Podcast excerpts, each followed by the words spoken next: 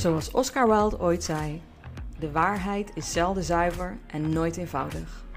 Toch komen we in het bedrijfsleven en in de samenleving veel heilige huisjes als ontastbare waarheden tegen. Waarom lukt het niet om uit de dogma's van die heilige huisjes te treden? Directieadviseur en organisatiefilosoof Sia Atteredian bespreekt in elke aflevering zo'n heilig huisje en zet dit in een ander licht. Kan het toch anders? Hallo allemaal, daar zijn we weer. Uh, voor mij dit keer met een hele, hele bijzondere gast die ik al uh, heel lang op de podcast probeer te krijgen. Uh, niet vanwege van haar functie, maar vanwege het onderwerp. we gaan het vandaag hebben over thema's die racisme, diversiteit en inclusie, et cetera, raken. En onze gast is hoogleraar Halle Roreshi. Halle heeft een multidisciplinaire achtergrond in de sociale wetenschappen als hoogleraar diversiteit stelt ze een kritische benadering van diversiteit en inclusie voor en toont ze door middel van de narratieve methodologie, Halle, misschien moet je dat straks uitleggen, het belang van de, de perspectieven van migranten en vluchtelingen voor het creëren van een meer inclusieve structuren. Ik wilde bijna zeggen samenleving. Halle, hoe is het? Welkom. Hallo, hi, dankjewel. Dank voor de uitnodiging. Ja, ja heel, erg, uh, heel erg graag gedaan. Je thema is natuurlijk nu uh, uh, hartstikke hot. En jij bent een van de weinige mensen waarvan ik vind die de hele leven of misschien carrière hieraan gewijd heeft. um, Halle, ik zal maar gelijk met jouw heilig huisje beginnen en dan kun je hem zelf toelichten. Ja. Jouw heilig huisje is: Nederlanders zijn progressief genoeg om niet racistisch te zijn. ja. Misschien wat verder willen toelichten. Jazeker. Um, ik heb um, vanaf het begin van mijn uh, academische carrière heb ik me echt heel erg bezig gehouden met waarom racisme in Nederland als onderwerp uh, niet uh, op, ja, op hoger niveau, academisch niveau, op, ja, in de publieke ruimte, waarom het niet bespreekbaar is. Wat, wat ligt daar ten, ten grondslag van deze eigenlijk wegduwen van racisme als onderwerp? Uh, aan, aan, uh, op een gegeven moment in, in mijn pad van allerlei onderzoeken die we gedaan hebben, uh, kwam ik erachter dat het heel erg te maken heeft met hoe Nederlanders naar zichzelf kijken. Het zelfbeeld van Nederland aan Nederlanders is dat wij, wij zijn progressief, wij zijn ja, heel lang zo geweest. We zijn filantropisch, wij, wij helpen ja, heel veel mensen die in nood zijn. dus eigenlijk Nederland was ook heel hoog ja, tot, tot voor kort uh, op, op de lijst van landen die uh, filantropie uh, ja, bedrijven. Dus dat ze heel veel geld geven aan andere landen, landen in nood. Dus dat, dat, dat zelfbeeld um, ja, laat niet toe dat mensen naar zichzelf kijken. En kijken, oké, ik help de anderen.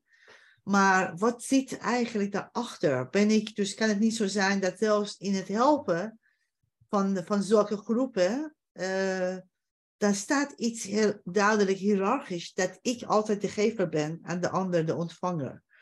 En daarin zit er ook een soort uh, verborgen vorm van uh, uitsluiting of zelfs racisme.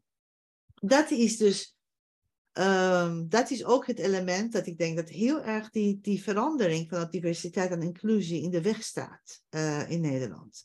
Van als je denkt dat je goed bezig bent en als je denkt van, ja, ik ben toch, uh, ik heb de beste intenties. Nou, dan moet het goed komen. Nee, dan juist als je denkt dat je beste intenties hebt, dan zou je misschien ook uh, extra moeite moeten doen om die spiegel voor te houden en kijken, oké, wat betekent dat dan in de praktijk? Aan hoe dat eigenlijk ook werkelijk insluiting van groepen in de weg staat. Ja, zeg je daarmee, uh, er is eigenlijk geen probleem vanuit het perspectief van de Nederlander? De, het probleem ligt niet bij de Nederlander. Het probleem ligt bij de anderen. We hebben, als ik terugga naar, naar, uh, naar mijn eigen geschiedenis in Nederland. Uh, toen ik naar Nederland kwam, um, als, uh, als een asielzoeker uit Iran, um, die enorm veel uh, ja, activistische achtergrond had. Ik was gewoon meegedaan met de Iraanse revolutie van 1979. Dus als activist kom je naar Nederland en denk je van, nou, uh, ik heb voor democratie en vrijheid gevochten, dus nu kom ik hier en dat is een democratische samenleving. Maar wat ik tegenkwam, verbaasde mij dat de mensen zo'n negatieve beeld hadden van mij als een vluchteling of als een uh, vrouw uit islamische achtergrond. Dus het beeld was heel erg, ja, je hebt een achterstand en jij bent niet geëmancipeerd uh, omdat je uit islamische achtergrond komt. Jij bent zielig als vluchteling. Dus mensen vragen mij, heb je een cultuurclash meegemaakt? Ik zeg, nee, ik heb een beeldclash meegemaakt. Dus de beeld dat de mensen van mij hadden, was heel erg anders dan mijn eigen beeld, zelfbeeld. En dat is dus heel erg, heeft te maken met het feit dat, niet dat de mensen slechte bedoelingen hadden, per se over vluchtelingen die geholpen moeten worden, aanzienlijk zijn, maar dat het een consequentie is van van het denken dat de Nederlanders voornamelijk de ander moeten helpen. En de ander heeft altijd een achterstand. Er is een, een, een zwakke groep die geholpen moet worden. En daarin, eh, als je kijkt naar diversiteit vraagstuk, we zijn al zo lang met de vraagstuk bezig, maar wat zie je eigenlijk dat wij in de tijden van uh, voorspoed gaan we met diversiteit bezig zijn. In tijden van crisis gaat het weer weg dat is de eerste keer nu dat wij in de tijden, tijden van crisis nog steeds over diversiteit hebben. Maar in de afgelopen twintig jaar is het niet zo geweest. En waarom, waar komt het uh, van? Diversiteit werd gezien als een gunst voor de ander. Dus je kan het doen als je kan, als je mogelijkheden voor hebt, als je voorspoed voor, ja, voorspoedige tijden, tijden zijn.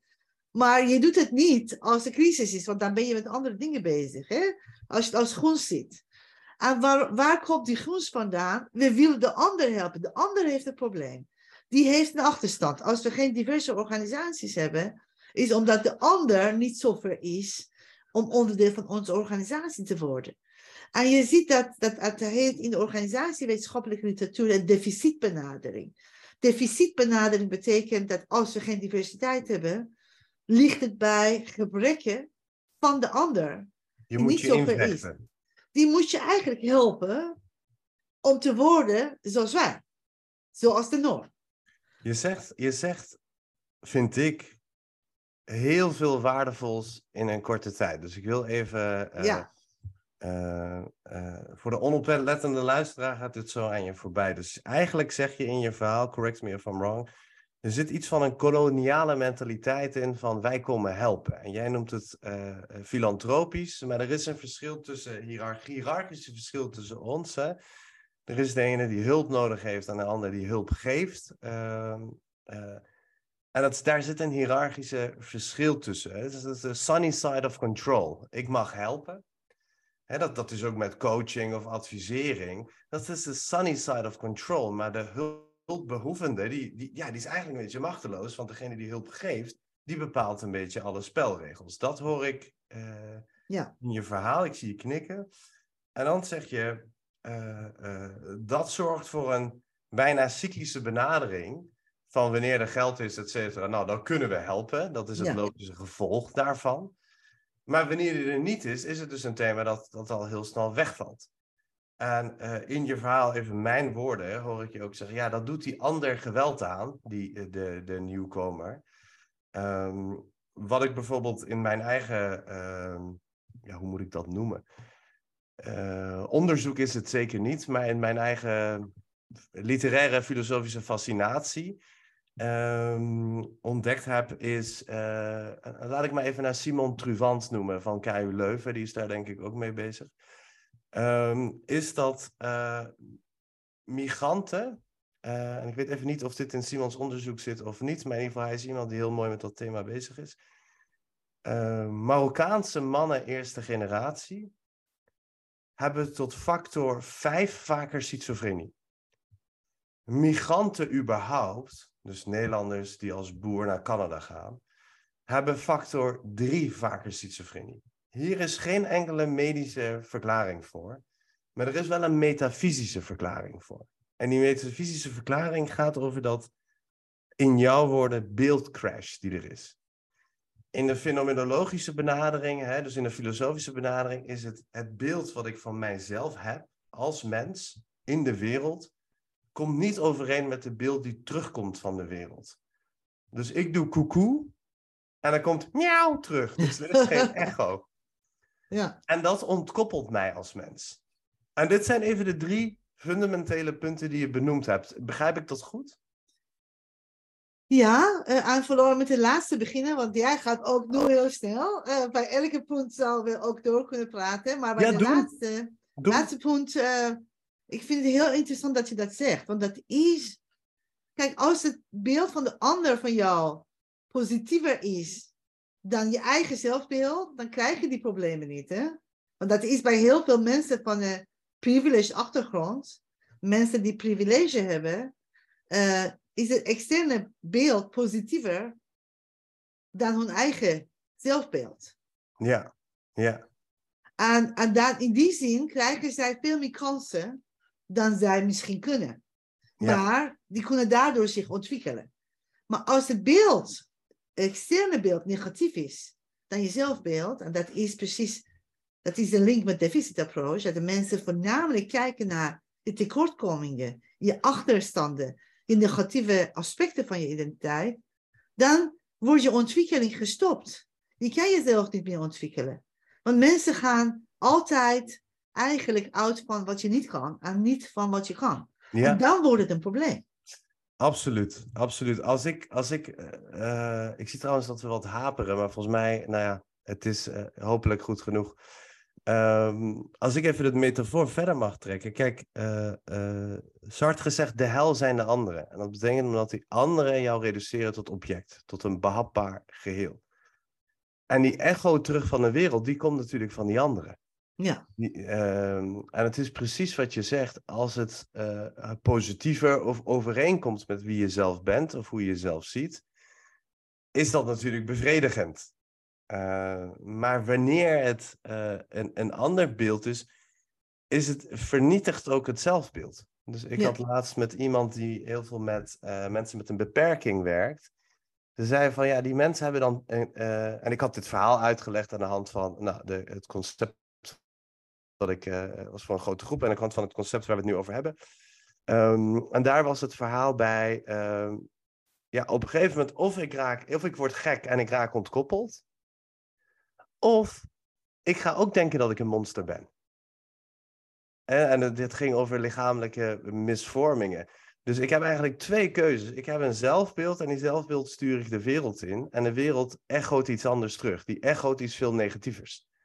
En dan heb ik als individu heb ik een keuze. Of ik stel mijn beeld bij naar dat echo.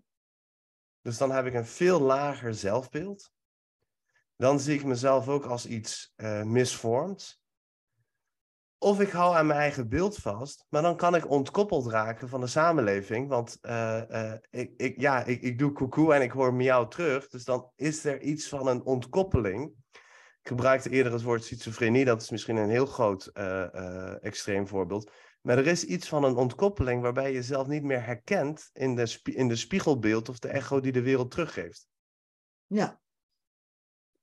En dat kan heel vernie- Ja, eigenlijk eh, wat je zegt is heel erg terecht. Dat het heel erg schadelijk is voor zelfbeeld en voor zelf, eh, persoonlijke ontwikkeling. Ik heb een voorbeeld die uit een van on- onze onderzoeken heel heel naar voren komt. We hadden een project ehm, eh, met eh, vluchtelingen die eh, niet aan het werk komen. En in dat project ehm, heb ik gedacht van als wij mensen aan het werk willen krijgen, zouden we eigenlijk een gesprek willen he- moeten hebben met ja, werkgevers, beleidmakers, die dat mogelijk moeten maken. Dus in dat project, waar we gewoon heel erg vanuit een multiperspectief, maar ook vanuit een narratieve, met een Kun narratieve je, kun je dat misschien toevoegen? Want ik, ik snap, we hebben elkaar daarover gesproken, maar even voor de luisteraar, wat is de narratieve methodologie? Narratieve methodologie is eigenlijk in, in, eh, in, de, in de wijze waarop ik het toepas, want je hebt per discipline verschillende manieren om da- daarmee te werken. Narratieve benadering is dat je eigenlijk eh, de wereld eh, verkent, of de kennisontwikkeling is heel erg vanuit de verhalen, vanuit de mensen waar je onderzoek naar doet. Dus je gaat kijken naar de wereld, hoe kijken mensen naar die wereld, vanuit hun leefwereld. Hè? Hoe, hoe staan ze in de wereld? Eh, wat is hun verhaal? Wat is hun perspectief? Waar komt het vandaan? En dat is een narratieve benadering. Dat je eigenlijk verhalen van mensen probeert te begrijpen door ze in een, in een historische context te plaatsen waar ze onderdeel van zijn geweest of zijn nog steeds. En als ik hem makkelijk formuleren, mag ik dan, en als fenomenoloog eh, eh, daar word ik Ja. natuurlijk heel blij van, maar mag ik dan gewoon zeggen levenservaring? Gewoon luisteren naar wat heb jij gewoon in je leven meegemaakt? Ja, dat is wel zo, maar dat gaat een stap verder, want je, gaat het, je moet het analyseren door die verhaal in een breder context te plaatsen. Sociaal-historische context. Ja. Precies, dus dat eigenlijk is er een narratieve benadering, is dat je probeert te begrijpen waarom bepaalde verhalen in bepaalde context verteld worden op de wijze waarop ze verteld worden. Ja. Want we hebben allemaal levenservaring, maar de wijze waarop we dat vertellen kan heel erg verschillend zijn in de situaties waar we zitten, maar ook in de contexten waar, waar, waar we onderdeel van zijn. Ja, ja. Dus eigenlijk wordt het zijn ook deels bepaald door de context waarin je zit. Ja, precies. Dus maar ik dan- onderbrak jou. Jij was een verhaal aan het vertellen over de naam. Ja, maar daar komt het, dat is heel goed dat je die uitleg vroeg, want dan kan ik dat verder ook door dat voorbeeld uitleggen, verder uitleggen wat ik daarmee bedoel. We hebben dus ehm, in dat project gedacht, oké, we willen vluchtelingen aan het werk krijgen, maar we moeten even kijken van wat is hun perspectief van waarom ze geen werk kunnen vinden en wat is het Hmm. perspectief van, van de andere, een HR-manager of een beleidmaker, waarom vluchtelingen niet werk kunnen vinden. Dus in dat project probeerden we alle perspectieven vanaf verschillende invalsstukken bij elkaar brengen. En een van de opdrachten was dat eh, in kleine groepen mensen gaan eh, ja, bedenken wat is, of terugkijken en zeggen, wat zijn de momenten in je leven geweest waar je trots op bent, waar je echt kracht hebt gevoeld. En in die kleine groep eh, hoorde ik dat de vluchtelingen helemaal niks zeggen. Die zijn helemaal stil. En de anderen natuurlijk die gewend zijn de ruimte te nemen, die waren voornamelijk bezig. En wie waren die anderen dan die de ruimte namen? Die waren gewoon eh, mensen vanuit de NGO's. Die met vluchtelingen werken. Ik moet heel even... Oh ja, Halle is even aan het hoesten, dus we hebben eh ze is even gemute. Ja, nou, nu gaat het weer verder, hoop ik. Ehm, er waren dus mensen, NGO's, die, ehm, die bezig Maar, maar moet ik dan denken aan een, aan een, eh, eh, een blanke Nederlander, man, vrouw, waar Ja, eh, ja, mensen die participeren, blanke Ja, Nederlanders. ja. Ja. Of zelfs als ze geen blanke Nederlanders waren, waren ze migranten-Nederlanders die wel bijvoorbeeld al gewend waren een podium te nemen. ja, zoals jij en Dus- ik. Zoals, ja, zoals wij, dat we vaak heel graag willen praten. Ja. Dus in die zin, dat was gewoon ook gewend zijn om te praten. Dus die, die namen de ruimte. En op een gegeven moment zeiden we als opdracht, oh, we hebben opdracht gegeven aan de groep. Neem tijd, wees geduldig, want inclusie betekent dat je ruimte maakt en niet alleen ruimte neemt. En op een gegeven moment kwam het verhaal van Sarah. En, eh, en, dat was echt zo eh, eh, treffend dat zij ervoor gekozen hebben om dat plenair te presenteren. Dus Sarah komt en vertelt eh, haar verhaal in onze plenaire bijeenkomst waar iedereen bij zit. 40 mensen waren onderdeel van die masterclass. Eh, of project. Waar, dat, dat was een masterclass in een project. Zij zegt, ik, was, ik ben geboren in Eritrea. Eritrea. Daar heb ik dus, ehm, ben ik onderdeel geweest van sociale beweging. Ik heb eigenlijk als kleine meid, ben ik gewoon vanuit de familie heel erg in die sociale beweging voor mensenrechten en vrouwenrechten actief geweest. Dus ik heb eigenlijk in mijn leven in Eritrea voornamelijk, wat ik gekend heb, was activisme. En dan moest ik vluchten naar Nederland. Tien jaar geleden ben ik gevlucht naar Nederland. En vanaf het moment dat ik hier ben gekomen, dus tien jaar hoor ik alleen maar nee. Jij, jouw taal is niet goed genoeg. Jouw diploma's of papieren zijn niet goed genoeg. Jouw culturele competentie is niet, past niet bij onze organisaties. Dus ik heb tien jaar lang, dag in, dag uit, nee gehoord. Dus dat gaat over dat zelfbeeld, hè? de echo die je terugkrijgt van de wereld. Precies. kwam met een verrijkt activistisch Ja. zelfbeeld naar Nederland. Maar de Ja. echo die ze terugkreeg is... is nee. En dan zegt hij, van daar, daardoor ben ik van een activistische vrouw een passieve vluchteling ge- geworden. Ja. En ik zag dat in haar ogen toen zij binnenkwam bij de masterclass. Het was alsof een mist was voor haar ogen. Alsof zij er was, maar niet was. Mhm, Dus mhm. haar, weet weet je, de energie en, en, en die vitaliteit van, van het zijn was er niet. Ja, en Eh, ze heeft dat, ze heeft dat beeld eh, ehm, bijgesteld naar wat er was. Ehm, omdat je anders ook maar de schreeuwende zwarte vrouw bent. Dus je hebt eigenlijk de keus of je bent zeg maar de schreeuwlelijk. Want je blijft maar vechten van dit is niet wat ik ben en jullie erkennen mij niet. ja, precies. In een of andere documentaire, Green Eyes, eh, Brown Ja, Eyes, Blue ja. Eyes, kun je dat heel goed zien. Hè? Dus eh, voor de Ja. luisteraar kun je googlen. Dan ga je volledig in verzet. Of je stelt je beeld bij. Ja, Ja. Dan, bevestigt, dan is het een self-fulfilling prophecy. Hè? Dan ben je ook inderdaad. Niemand. Ja, Ja, maar dat was ook een heel sterk voorbeeld te zien dat iemand die activistisch is geweest, verliest haar kracht compleet door hoe de samenleving haar benadert. En zij had niet alleen haar activisme verloren, maar ook haar verhaal. Zij had vergeten dat zij dat verhaal had, want dan, weet je, toen in die groep zei ze helemaal niks. En ze zei ook, ik had gewoon helemaal vergeten wie ik was. Vandaar het belang van die verhalende Ja, eh, aanpak. Ja. Precies. En daarna, de volgende stap was die verhaal te plaatsen in de context. Hè? Waar komt het vandaan?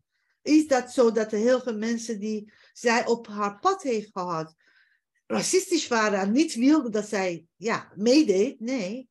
Waren mensen soms met de goede bedoelingen die zeiden van, ja, je taal is niet goed genoeg. En dat kwam eigenlijk heel, heel sterk naar voren door een reactie van de HR-manager die daar was. Hij zei, eh, eigenlijk, ik besef nu pas wat de effect is van wat ik jarenlang heb gedaan. Want ik heb altijd gedacht, als mensen komen die de taal niet goed spreken bij mij, ik zeg, je taal is niet goed genoeg, dus ga maar je taal verbeteren. En dat was mijn bedoeling, dat, dat, dat ik ze een tip geef, zodat zij volgende keer met een sterkere profiel komen. Niet beseffen dat, dat ik daardoor heel veel mensen, dus als dat zij dat alleen maar horen, dan gaan ze zich aan zichzelf twijfelen. Ja, ik ga, ik ga even expres tegenhangen. Halle. Dus ik ben, Ja, het volledig, ik ben het volledig met jou eens. Maar eh, willen we een heilig huisje ook kunnen uitdiepen? Ja. we de andere kant kunnen zien. Ehm, wederom, eh, een hoop inhoud, eh, soms ook tussen neus en lippen door. Dus ik wil even herhalen. Diversiteit en inclusie is dat je ruimte maakt en niet alleen ruimte neemt. En ik vind, die, ik vind dat een absoluut belangrijke. eh, ja, om, om even te herhalen. Maar eh, eh, om even op te nemen van die, van die HR-manager. Ja, Ehm, als we even vanuit multiple worlds denken, dus verschillende parallele eh, werelden die aan elkaar staan. Dus ik begrijp volledig wat je zegt en dat geweld doen we Sarah ook aan. Eh, en vanuit Sarah's perspectief, vanuit Sarah's verhaal, is dat inderdaad. eh, nou ja, in het, in het eerste voorbeeld, hè, het kan zelfs voor schizofrenie zorgen, als je de metafysische verklaring mag geloven. Maar die HR-manager zit ook in een wereld. En dat Ja. is zeker niet de wereld die zou moeten zijn, maar dat is wel de wereld die is. Wanneer zij iemand aannemen in de Nederlandse context, in de sociaal-historische Nederlandse context, die niet goed genoeg Nederlands spreekt. En in Amerika speelt het helemaal niet. Hè? Dus ik ben in Amerika, heb ik ingenieursbedrijven gezien. Nu misschien niet meer, maar met Russen. Die drie zinnen in Engels spreken, mhm, maar heel goed kunnen rekenen. ja, precies. Eh, ik heb in Amerika meerdere keren dat ze bij de kassa, was wel in Miami, eh, voor degenen die de achtergrond kennen, die zullen dat snappen. Ik bij de kassa werd gezegd, wat spreek je goed Engels? Omdat ze gewoon Spaans sprekend zijn in Ja. Miami. Is Engels bijna tweede taal. En ik zie er misschien eh, Spaans uit, dus ze hadden zoiets van, oh, wat spreek je goed Engels voor een Cubano. Terwijl ik dacht, van, nou, mijn Engels hapert aan alle kanten. Maar in de Nederlandse context eh, wordt die HR-manager erop aangesproken als die iemand aanneemt en die spreekt onvoldoende de taal. Want de klant, de collega, die verwacht dat van je. En die HR-manager heeft hier ook geen grip op of controle op. Hè? Het is ook de wereld waarin hij naakt geworpen is. Wat ik daarmee eens wil zeggen. Hij heeft die wereld ook maar gewoon aangetroffen. Dat is de wereld die is, niet de wereld die zou moeten zijn. En dan is mijn vraag: kunnen we ook met een beetje empathie naar die HR-manager kijken? Zeker, maar met- met empathie eh, verander je niet de wereld. Eh, eh, empathie helpt om vanuit die, die positie kijken wat er nodig is om te veranderen. Dus verbinding maken. Vanuit, in plaats van Ja, dat was eigenlijk het hele idee van onze masterclass in, op dat moment. Niet per se veroordelen, maar vanuit pers verschillende perspectieven kijken. Wat zijn de, uh, de witte vlekken? Wat zijn de elementen die wij eigenlijk zelfs met de beste bedoelingen reproduceren? Unknown uh, unknowns. Hè? Dus ja. kijken van waar zitten de, uh, zwarte, de... zwarte gaten. Ja. Ja, ik zou. Uh, ja, oké. Okay. Dat uh, witte vlekken, beter dan zwarte gaten, maar in die. Nee, ik hoorde, ik hoorde je hem zeggen, dus daarom zei ik expres de andere variant. Ik dacht, doe je nou expres iets met inclusieve taal? ja, ja, ja, probeer ik wel. Ja. niet, ben ik niet altijd succesvol, maar ja. Ehm, het gaat daarom dat. maar ik wil me wel mee bezig, dat is ook onderdeel. Dat, dat je jezelf ongemakkelijk maakt om wat je gewend bent te zeggen, niet te zeggen. Want dat is ook, dat zijn dingen die wij samen moeten doen. Hè? Samen inclusiever worden. Ja, en, en ik, ik, ga even weer aanhaken, want je zegt ja, ik, ga dat, uh, ik kan met empathie kijken naar die ja. HR-manager. En ja, ergens zeg je, de wereld die zou moeten zijn, is niet de wereld die is. Maar dat ontslaat ons niet vanuit de verplichting om, om naartoe te werken naar hoe het zou moeten zijn. Hè? Dus ja, met empathie kijken. Maar alsnog heb je wel de plicht uh, om te handelen uh, naar die wereld zoals die zou moeten zijn. Zeg je dat dan? Nee, maar wat er gebeurde met die HR-manager, dat is al een begin van verandering. Van hij, ja. hij zei niet, ja. ga maar empathisch naar mij kijken en begrijp waarom ik dat doe. Nee, hij zei, oh, ik snap wat ik doe. Ik, ik doe het met de goede bedoelingen, maar het werkt niet. Hij dus werd het, bewust onbekwaam. Dus dat is reflectiemoment die wij heel erg nodig hebben, juist als het over zelfbeeld gaat. Vooral die reflectie-elementen moeten we inbouwen.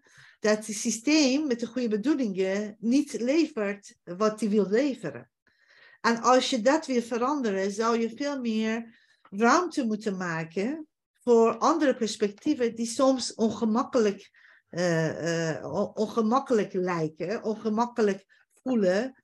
Maar dat beseffen van, oké, mijn goede bedoeling om de ander te helpen, eigenlijk uh, werkt zo dat die ander door de herhaling daarvan in een soort verloren zelfbeeld terechtkomt, verloren zelfvertrouwen, dat we daardoor uiteindelijk helemaal niks meer hebben. En, en daar een voorbeeld van te geven, wat jij, wat jij zegt, natuurlijk Nederlanders, Nederlandse organisaties, uh, ja, hebben heel erg baat bij dat de mensen die daar werken, uh, Nederlands taal spreken. Niet alle organisaties trouwens. Uh, sommige organisaties hebben helemaal geen Nederlandse taal als basis nodig. Maar toch wordt Nederlandse taal vaak als bron van verbinding gezien in, de, in, in die organisaties. Dus we moeten ten eerste kijken in hoeverre is de taal uh, belangrijk, Nederlandse taal belangrijk. En ten tweede, als je alleen perfectie van de taal voorop stelt, wat betekent dat als je mensen hebt die de taal niet als native hebben geleerd. Ja. Wat doe je daarmee? Hè? Mensen die, zoals uh, ik, jij bent hier waarschijnlijk geboren, maar dan nee, hoor. hoor, ik zo nee, hebben. Hoor. Zeker niet. Nee, nee, maar ik ben gewoon, dit, ik heb de taal geleerd toen ik 26 was. En, en als je de taal op hoge leeftijd uh, leert, ga je nooit de accent veranderen of verliezen of bepaalde intonaties. En jij hebt ik maak ook, ook ik, ik, ik, uh, ik was denk ik een jaar of zes, maar ik maak, ik heb het ik ben dyslectisch, maar dat is iets anders. Hè? Ja. Dat is. Uh, uh, getallen dansen gewoon in mijn hoofd. Dus dat, dat is ook uh, een van de redenen waarom ik niet schrijf en voor de podcast heb gekozen. Maar ik maak ook nog steeds lidwoordfouten. Ja. En ik heb dat gevraagd. Dat die, kun je ook, die hebben ook geen enkele regel. Die kun je alleen van je ouders leren. Ja, of geboren, mee geboren zijn inderdaad. Dat moet je vanuit, eigenlijk voordat je geboren bent. Je hebt het al in je hoofd. Dat is echt heel dat is, dat is het. De taal en de, de, perfectie van de taal kan je nooit bereiken. Maar wat je wil, als je echt met diversiteit bezig wil zijn in de organisatie, inclusiviteit in, dat, in, dat, uh, in die zin betekent dat je ruimte maakt voor mensen die de taal niet als native spreken, maar die, die, die door het werken juist taal gaan ontwikkelen. En dan zou je ook moeten kijken naar de krachten en die ja, we hebben, wij hebben heel vaak, we nemen ook heel veel mee. Alleen als je mensen alleen maar naar onze taalachterstand kijken, dan zie je tekort. Dan reduceer je, iemand eigenlijk tot uh, lid worden of een ja, accent. precies. terwijl er ook heel veel andere uh, verrijkingen uh, zijn die ze meebrengen. Ik wil even terug naar wat je aan het begin zei, en dan kunnen we daarna hier verder mee hoor. Maar je had even de cirkel rond. Je zei, je begon met dat zelfbeeld van de Nederlander. Uh, ja. Klopt niet, hè? Dat roept trouwens bij mij de vraag, wat zijn wij dan? Hè? Hebben we het nu over Nederlanders? Hebben we het over onszelf? Hebben we het over anderen? Blijven wij...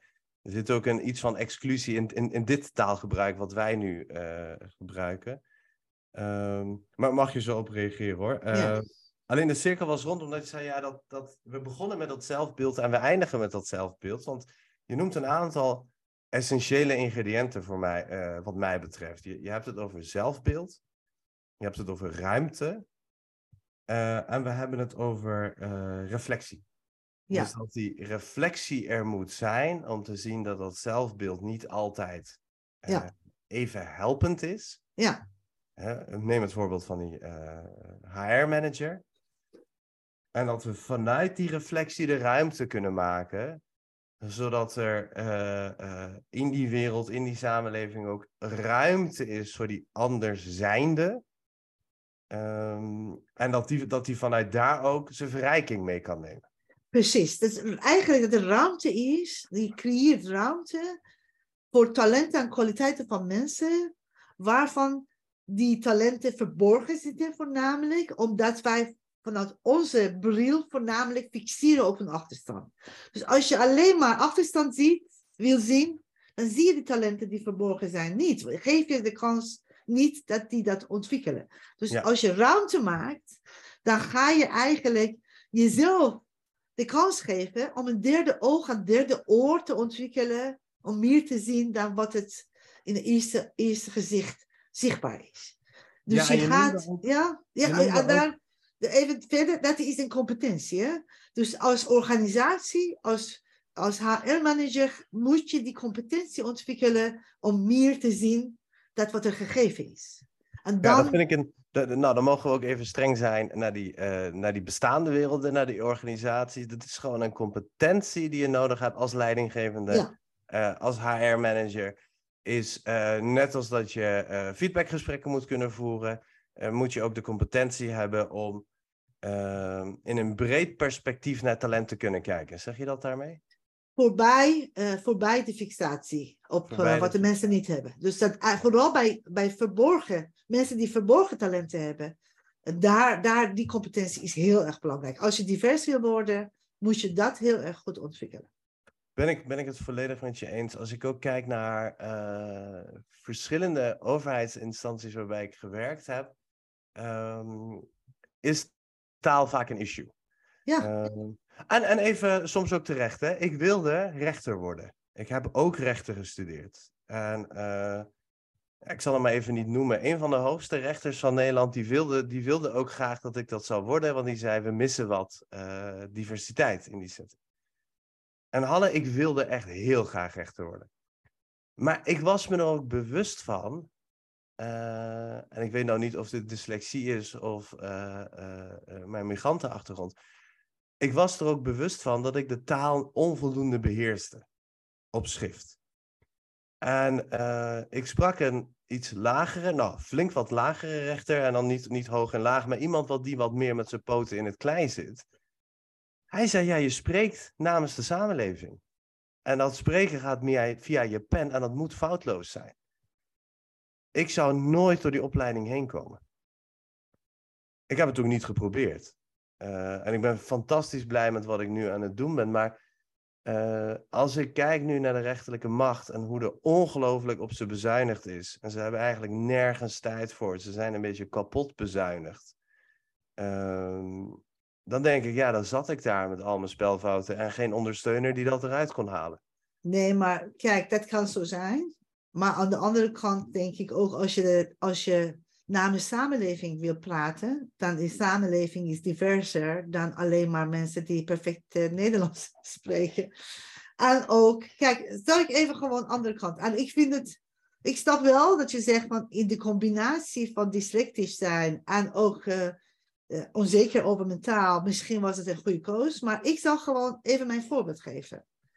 En dat, dat is ook een voorbeeld. Ik, toen ik bijna, bijna aan het promoveren klaar was met mijn promotieonderzoek, ehm, had, ik een, had ik gesolliciteerd ehm, eh, voor een positie als UD, universitair docent, bij, eh, bij de Vrije Universiteit, bij organisatie wetenschappen, heette toen cultuurorganisatie en management. Ik heb uh, die baan gekregen, maar op een gegeven moment, vanaf ja, begin, als je beginnende UD bent, dan krijg je alle lastige taken, want niemand anders het wil doen. En jij moet blij zijn dat je die baan hebt, dus die krijg je allemaal. Eén was twee lastige pakken die ik moest geven. Eén was voor 150 studenten colleges geven. Dus grote collegezalen van de VU, die ken je waarschijnlijk. Met de trap omhoog, daar moest ik gewoon staan, college geven in het Nederlands. En ook nog moest ik algemene werkgroepen begeleiden. En dat is voor eerstejaars studenten die, uh, die moeten leren hoe ze in Nederlands schrijven. Nou, dan kom ik daar. Beide waren best wel angstaanjagend, moet ik daarbij zeggen. Want ja, voor een grote groep, ik dacht van, nou, ik, ik, was doodbang. Ik dacht, ik moet gewoon bij die 150 studenten, die, die meestal uh, ja, native speaker zijn, moet ik gewoon gaan lesgeven. Die gaan me echt belachelijk maken. En ik was best wel onzeker over mijn taal. Ja. En het was 2000, dus best wel lang geleden. Um, en ook de werkgroepen. Ik dacht van, hoe kan ik Nederlandse studenten Nederlands leren? Weet je, het is echt heel raar. Maar dan heb ik het toch gedaan. Want dan ben ik zo eigenwijs uh, uh, om het wel gewoon... Ja, ja je moest ook wel, hè? Ja, ik moest ook. Maar ik dacht van, ik ga gewoon het beste van maken. Ja. Uh, bij de evaluaties, jaargesprek met mijn leidinggevende, een witte man, witte grijze man. Uh, ja, ik heb de evaluaties gekregen van, van die grote collegezalen. was het echt fantastisch. Want ik, ik kan verhalen vertellen. Dus ik vertelde verhalen over mijn revolutionaire periode. Studenten vonden het fantastisch. En ik ben heel erg een, een, iemand die van engagement houdt. Dus ik heb opdrachten vormgegeven dat de studenten heel erg zelf ook mede presenteren, met elkaar in gesprek gaan. Dus het college voor 150 studenten was best wel 140, 50. Was een heel groot succes. Ik heb echt hele goede evaluaties gekregen. En ze hebben mij uitgelachen ook nog, maar ik heb dat kan ook, maar ik heb gewoon, dat maakte ook alleen maar dat het uh, ijs gebroken werd hè, tussen ons. Dus daardoor was het contact ook veel, veel leuker dan meestal is met een, met een docent misschien. En, en, even tussen je verhaal door, dit is natuurlijk wel een, we hadden het over onzichtbare kwaliteiten.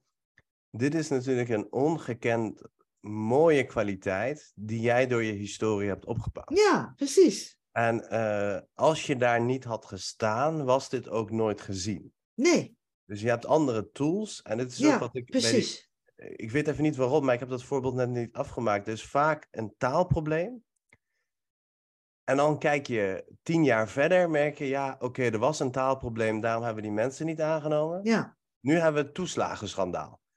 Want als je wat mensen hebt met wat culturele sensitiviteit, en dat hoeft niet eens cultureel te zijn, mensen die weten wat armoede is. Uh, of ik hoor bij andere organisaties dat zeggen van ja, we moeten langs de deuren. En dan uh, sturen we iemand met een, met een multiculturele achtergrond. Of in ieder geval iemand die verschillende sociale klassen kent. Ja. Dan zijn de problemen veel makkelijker opgelost. Dus die talenten, die zie je niet in een nee. brief, maar die zie je in een andere context. Dus wanneer je mensen aan het voetballen krijgt, dan zie je misschien, ja, ze, ze doen misschien niet, hè, dat heb je ook op het voetbalveld. Er zijn ook voetballers die vaak afgevallen zijn omdat ze een andere stijl hadden. Ja, precies. precies. op straat hadden gevoetbald. Ja. Um, uit mijn hoofd zijn twee PSV-spelers, uh, Afalai en Aysati. Die werden volledig afgeschreven, omdat ze, ja, dat waren weer de Marokkaanse straatvoetballers. En die deden niet in het systeem mee. En beide zijn international geworden voor het Nederlands elftal. Ja.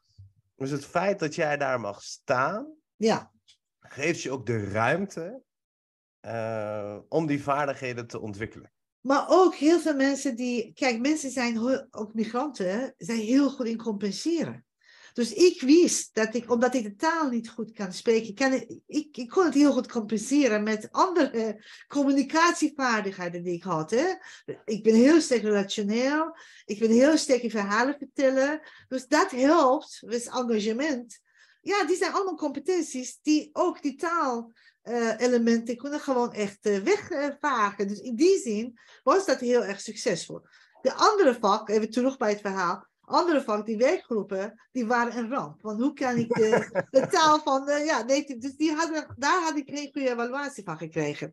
Ik was bij, de jaar, bij het jaargesprek met mijn leidinggevende, was ik heel erg bang te horen, wat, ik, wat heel veel collega's, mensen met mijn lotgenoten van mij horen, van, oh, we, we vinden jou een, een fantastische collega, maar je taal is niet goed genoeg. En voor dit profiel, voor universitair docent, natuurlijk, moet je de taal perfect spreken, want je staat voor, ja, voor de klas, voor de colleges. Je moet gewoon, uh, ja, taal beheersen. Dus dat is niet goed genoeg. Uh, we sturen je naar een uh, cursus, want wij willen jou heel graag helpen. Fixatie op achterstand. We willen jou heel graag helpen.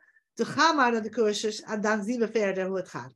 En dat is eigenlijk heel vaak wat er gebeurt in de organisaties. Goedwillend, hulp uh, aanbiedend, maar mensen gaan naar de taalkursus van een naar ander, maar de taal wordt niet, ja, nooit perfect. Het blijft hetzelfde, dus de frustratie gaat opbouwen. Van beide kanten. Dus wij doen alles, maar jij wordt niet beter. En jij denkt van, ik doe alles, ik word niet beter. Wat, ja, dan ga je in een soort spagaat terechtkomen. Wat bij mij gebeurde, was precies omgekeerd. En dat is wat ik zeg heel essentieel als we het over inclusie hebben. Mijn leidinggevende, zoals ik vorige keer zei, eerder zei, een witte, grijze man. Die kijkt naar die evaluaties en die zei, ja zeg, wat fantastisch dat je die grote collegezalen zo'n goede evaluatie voor hebt gekregen. Heel veel collega's, je hebt een talent, zei hij. Die heel veel collega's van jou, die zijn bang van die grote colleges. Dus jij mag die blijven geven dan, dan, dan ga je dat doen. En die kijkt naar de andere en zegt, wat stom van ons. Waarom hebben wij jou gevraagd om een werkgroep college te geven? Nou, dus uh, geen fixatie op de, op de... Nee, nog sterker. Wat hij deed, die, die zag mijn talent en die corrigeerde zichzelf als organisatie. Die zei, wij hebben een fout gemaakt. Er zijn zoveel andere collega's die dit heel makkelijk kunnen doen. Waarom hebben we jou gevraagd? Wat dit, was, dit was dus de competentie die een leidinggevende nodig had, waar je eerder mee begon. Ja. Wat die deed in één gesprek, eerste jaargesprek die ik had, die heeft mij zelfvertrouwen gegeven, die heeft mij basis gegeven om te doen, verder te doen waar ik goed was. En, en, en wat gebeurde dan? Vijf jaar later krijg ik uh, de prijs van de beste docent van de hele universiteit. Wow. En ik zeg altijd, en zeg ik altijd ook, toen zei ik, je kan best een docent zijn met een accent. En nu zeg ik, je kan zelfs een, een erkende belangrijke uh, hoogleraar zijn in Nederland. Want uh, ja, als je lid van KNAW bent, Koninklijke Academie voor Wetenschap en ja, dat is dus art en wetenschappen, sorry, moet ik het goed uitspreken. Dan ben je zeer erkende wetenschapper. Dat kan je ook zijn met een accent. Dus in die zin maar dat, dat kan alleen omdat mensen, omdat ik mensen op mijn pad hebben gehad, toevallig, gelukkig, die, die mijn talent zagen en daarin ook mij de kans gaven om mij te ontwikkelen. Ja. En zelfvertrouwen opbouwen, ondanks mijn, mijn accent en mijn gebrekkige Nederlands. Ja, en nu heb je denk ik ook wel die voorbeeldfunctie, waarbij uh, die echo waar we het over hadden, die terug van de wereld, het, uh, aan Obama had het erover. Hè? Kinderen zeiden, zwarte kinderen zeiden, hij heeft hetzelfde haar als ik. Dus dan krijg je ook een beeld terug van, oh ja, er is ook inderdaad een belangrijke wetenschapper in Nederland met een accent. Dus, ja. uh, of, of een uh, gekke achternaam of uh, whatever it may be. Over achternaam gesproken, mag ik even, even mhm. je, je, je sprak mijn naam in het begin als Qureshi uit en dat is heel erg Iraans. Maar mijn naam in Nederlands is Orashi. Dus omdat het, zo schrijf je het ook, hè? met een A-S-H-I. En dat is heel grappig, want dat is, is hoe wij, en heel veel Iraniërs denken dat, eh, dat ik niet Iraniër ben vanwege het andere schrijf van de achternaam. Dus ja, ik, zat er, ik heb er nog, uh, volgens mij, uh, wij, wij kenden elkaar niet echt, hè? Ik bedoel, ja. Maar via via kennen we elkaar. Ik, volgens mij ken jij mijn familie, ken je mijn moeder. Ik kende je moeder, ja. Ik heb je moeder een tijd geleden, heel dus lang dus geleden gesproken, ja. Dus ik hoorde vaak Roreshi en ik las, uh, toen, toen ik je aan het mailen was, zag ik Gorashi. En ik ben het vergeten te vragen, maar ik dacht, wat is nou je achternaam? het is Gorashi, maar in, de, in Iran is het ook een lastige... Ja, het is op een Dus Iraniërs spreken het verkeerd uit, zeg je dat nou? Nee, ja, in Iran, mijn vader eh, is tandarts en die had zelfs op de boord van, van zijn uh, praktijk had hij Gorashi geschreven, omdat Gorashi onmogelijk is in Iran. Ik heb geen idee heeft dat ermee te maken dat we klinkers niet, uh, dat je in het Farsi uh, klinkers niet uitschrijft? Nee, maar er is geen J in tussen. Heeft een J aan. Bij mij is het Horashi, is die J, J in het midden niet.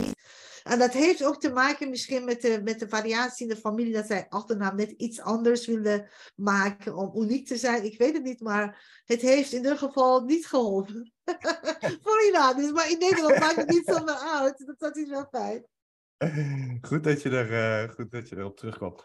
Ik heb nog een ander uh, ingrediënt gevonden. En die ben ik ook eigenlijk vergeten te melden. We hadden het over ruimte, reflectie, tolerantie, ja. et cetera. Ongemak. Ja ongemak is er ook een. En uh, ik, ik werk vaak in, uh, in, in cafés. En uh, er kwam een, een, een, jongen met iemand in een rolstoel. En diegene in een rolstoel. Ja, ik heb dit verhaal niet voorbereid en nu wil ik ook niet iets geks zeggen. Maar die maakte heel gek geluid. Een soort van extreem gekreun. En het was geen pijn, maar zo klonk het wel. En uh, de jongen met wie die was, vond ik ook een hele leuke jongen. Die was ook grapjes aan het maken, et cetera. Dus ik probeerde hem ook, die jongen met wie die was, van hey, uh, op zijn gemak te, te, stellen. Van, jullie kunnen hier gewoon gaan zitten. Maar op een gegeven moment uh, moest hij die jongen uit zijn rolstoel tillen, over zijn schouder en ergens neerzetten. En toen ben ik ook echt na gaan denken, wat gebeurt hier? Want ik ben echt, dit is, dit is, uh, iedereen kijkt, dit is niet oké. Okay, uh, wat is hier nu gaande? En, en, en daarop reflecteren, daar kwam ik achter, er is ongemak. Er is bij mij... Ja. En eh, ik hang bij jou wel eens tegen, hè, want ik wil ook niet dat we een of andere monocultuur uh, uh, podcast maken. Maar ik dacht, ja, wiens probleem is dat nou? Uiteindelijk is dat mijn probleem, want zij doen niks geks. En uiteindelijk heb ik mijzelf te managen met mijn ongemak.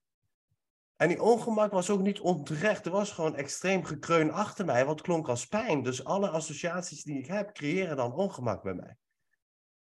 Maar uiteindelijk heb ik die ongemak te dulden, uh, um, omdat ik ook ruimte wil maken voor hem in dat café. Dus ik vind ook die HR-manager, die medewerker, die collega, die hebben ook wat ongemak te dulden. Um, maar die diverse nieuwkomer heeft ook wat ongemak te dulden. Want um, ja, je moet er gaan staan. En ja, je wordt niet direct erkend. En ja, je zit in een andere context. En hier werken de spelregels net wat anders. Dus ik vind ook, ongemak vind ik dan ook een van de ingrediënten die ik toe zou willen voegen. Ja, dat is een heel goed punt. Ook een heel belangrijk voorbeeld die je noemt. Kijk, ongemak, als we het over nieuwkomers hebben, maar er zijn, we hebben het ook over generatie uh, kinderen van migranten die niet nieuwkomer zijn, die hier geboren zijn. Hè? Uh, dus het gaat om mensen die de taal perfect spreken, maar ze hebben andere achtergrond, ze hebben andere achternaam. Uh, uh, ze hebben andere religie en daardoor worden zij niet toegelaten in de organisatie en niet gezien als normmedewerker. Medewerker die eigenlijk alles kan, uh, flexibel is, die perfect is.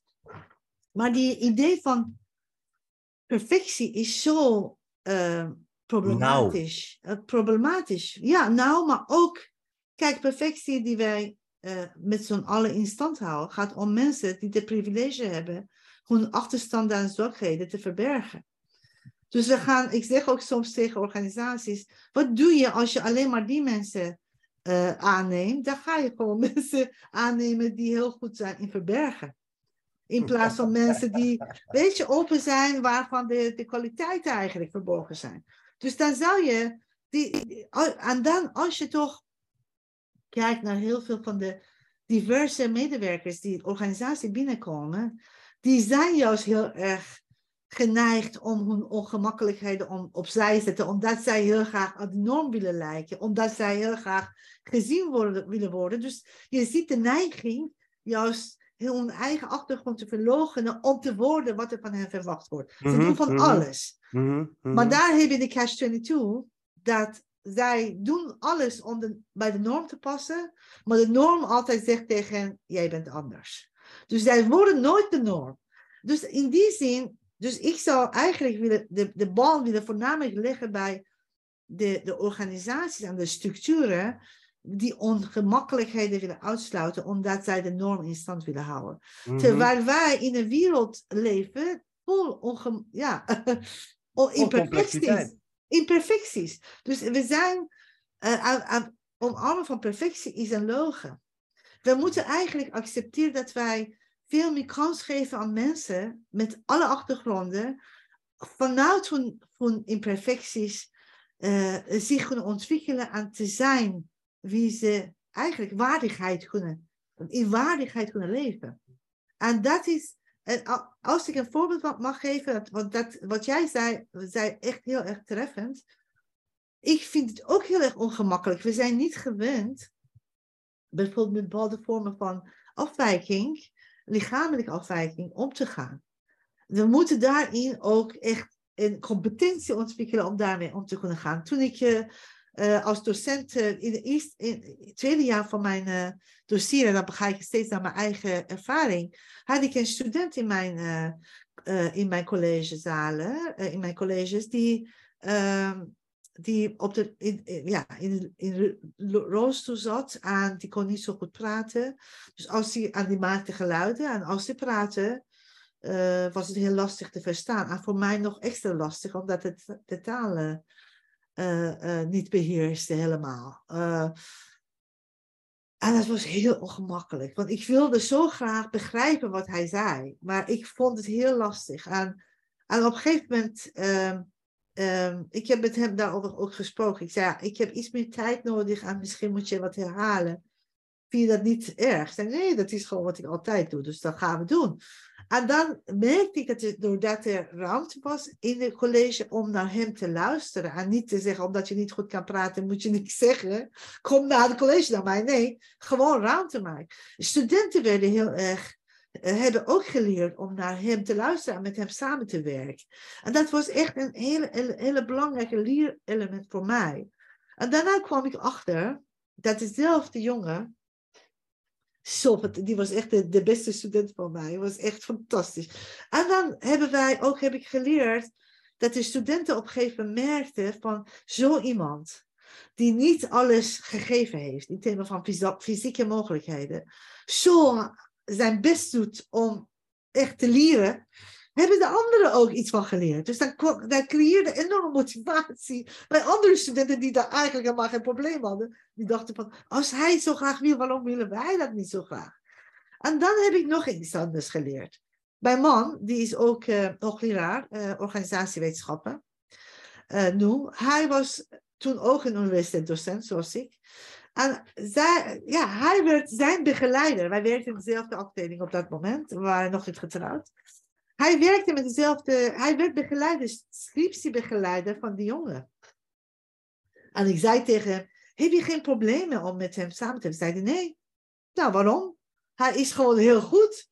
Hij schrijft fantastisch. Wij hebben heel goede gesprekken. En hij gaat veldwerk doen in Roermond bij politie. Of bij de meldkamer. Ik zei, wat? Hoe gaat hij dan? Hij zei, ja. Zijn moeder gaat altijd gewoon zijn, hem helpen in het terrein. Hij gaat met het terrein naar, naar Roermond van Amsterdam. Gaat hij daar veldwerk doen. Echt gewoon in de organisatie bij de meldkamer onderzoek doen. En dan heeft hij een scriptie geschreven die 8,5 met 8 of 8,5 beoordeeld is. Heeft daarna ook nog een paper samen met mijn man geschreven, gepubliceerd. En heeft hij een traineeship gekregen na zijn, uh, na zijn uh, ja, studie bij gemeente Amsterdam. Die mocht daar. Uh, ik dacht van, nou ja, dat is toch geweldig. Dus ik heb ook heel veel geleerd van hem, van mijn man, hoe hij eigenlijk die ongemak, ongemak heel erg vanzelfsprekend vond. Het, het, precies andersom. Ja, en het, het zijn, ik denk ook, en dat is even mijn persoonlijke mening, ik denk ook dat we echt behoefte hebben aan iets meer positieve verhalen. Dus een dergelijk verhaal uh, is zinnig. Uh, ja, maar dat, weet je wat het probleem is, ja? Ik zei tegen mijn man, dit verhaal moet echt groot worden gemaakt. Jullie moeten samen blogs schrijven, zichtbaar worden. Maar hij is helemaal niet zo voor zichtbaarheid. Hij wil helemaal niet zichzelf, al is hij een witte man. En, en, en dat, was, dat, was ik, dat is een beetje waar ik naartoe wilde. Want, um, of misschien niet. Uh, ik, ik, ik zit even te twijfelen. Maar um, we hadden het eerder over je eigen beeld en het beeld die je terugkrijgt van de wereld. Als dat niet overeenkomt, en dit voorbeeld gaat in over die jongen waar jij het nu over hebt, of over jou. Als dat beeld niet overeenkomt, dan uh, hebben we twee opties besproken. Of je maakt jezelf klein zoals dat beeld, of je raakt ontkoppeld en gaat vechten en je bent een beetje de boze uh, zwarte man, om maar, om maar even in de populaire termen te spreken. Maar er is iets anders wat ik niet verteld heb. Er is een derde mogelijkheid. Ja. De derde mogelijkheid is, omdat je juist niet volledig mee kan draaien met die wereld, dat je naar die wereld kan kijken. Dat je niet alleen gedwongen wordt tot zelfreflectie, maar ook reflectie over de wereld. Mensen met een. Mensen die niet direct aansluiten bij de norm,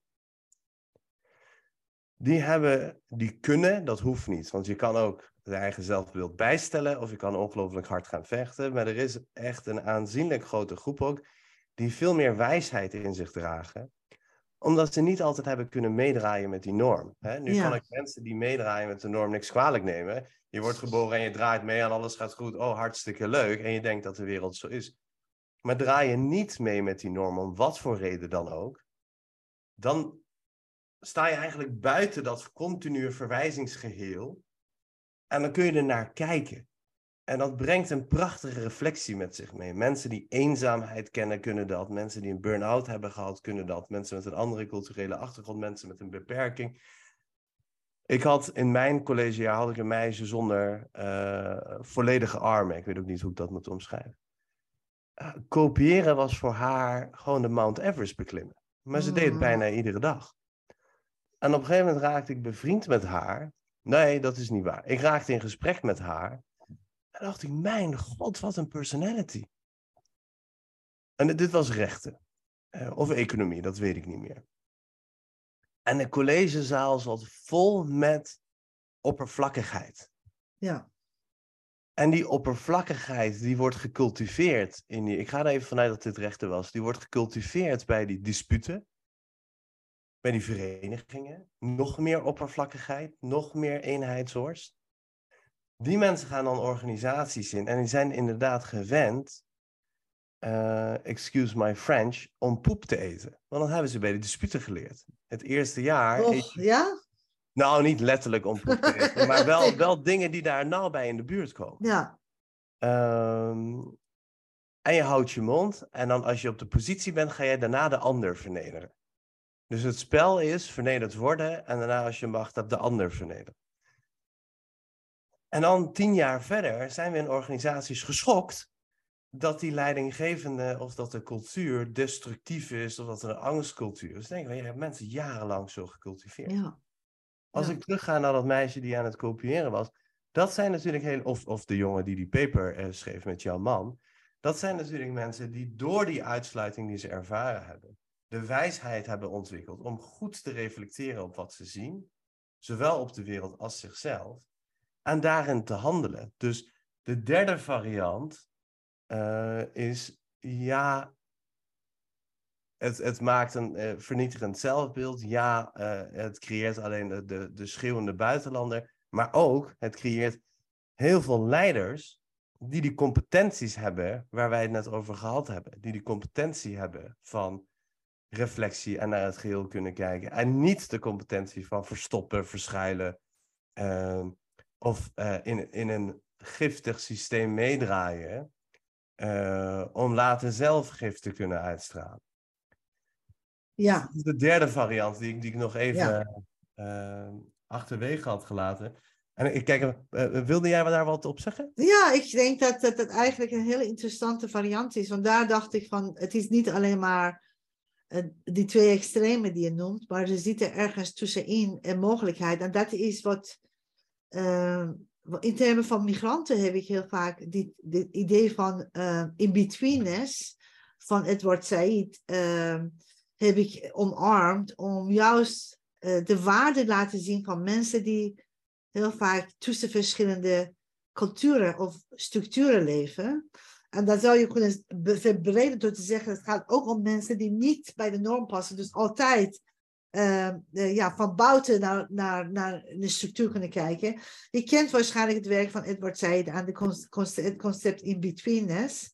Ken ik, ken ik niet. Dus ik moet eerlijk zeggen, ik, ik lees vooral filosofen. En dan vind ik de toepassing is iets wat mijn brein automatisch doet. Dus vertel, vertel alsjeblieft. hij gebruikt eigenlijk ook veel filosofen als voorbeeld. Derrida bijvoorbeeld. Maar hij, in, in een essay heeft hij um, ballingschap, ballingen als metafoor genoemd voor intellectuelen. En ballingen zijn mensen, dus exiles, daar, mensen die gevlucht zijn of uh, verbannen zijn, uh, ouderwetse term van hun land. Hij zegt van als je verbannen bent, dan leef je eigenlijk in twee werelden. Een, mhm. een, wereld die je achtergelaten hebt aan een wereld waar je aangekomen bent. En in die, ehm, dan heb je altijd twee referentiekaarten. Tenminste twee referentiekaders waar je mee leeft. En dat, dat wordt heel vaak negatief benaderd. Er wordt gezegd dat het, ja, het is een soort tussen wal aan een schip vallen. Uh, dat je nergens thuis hoort. Dat je je huis verlaten hebt en nooit echt thuis gekomen bent. Weet je dat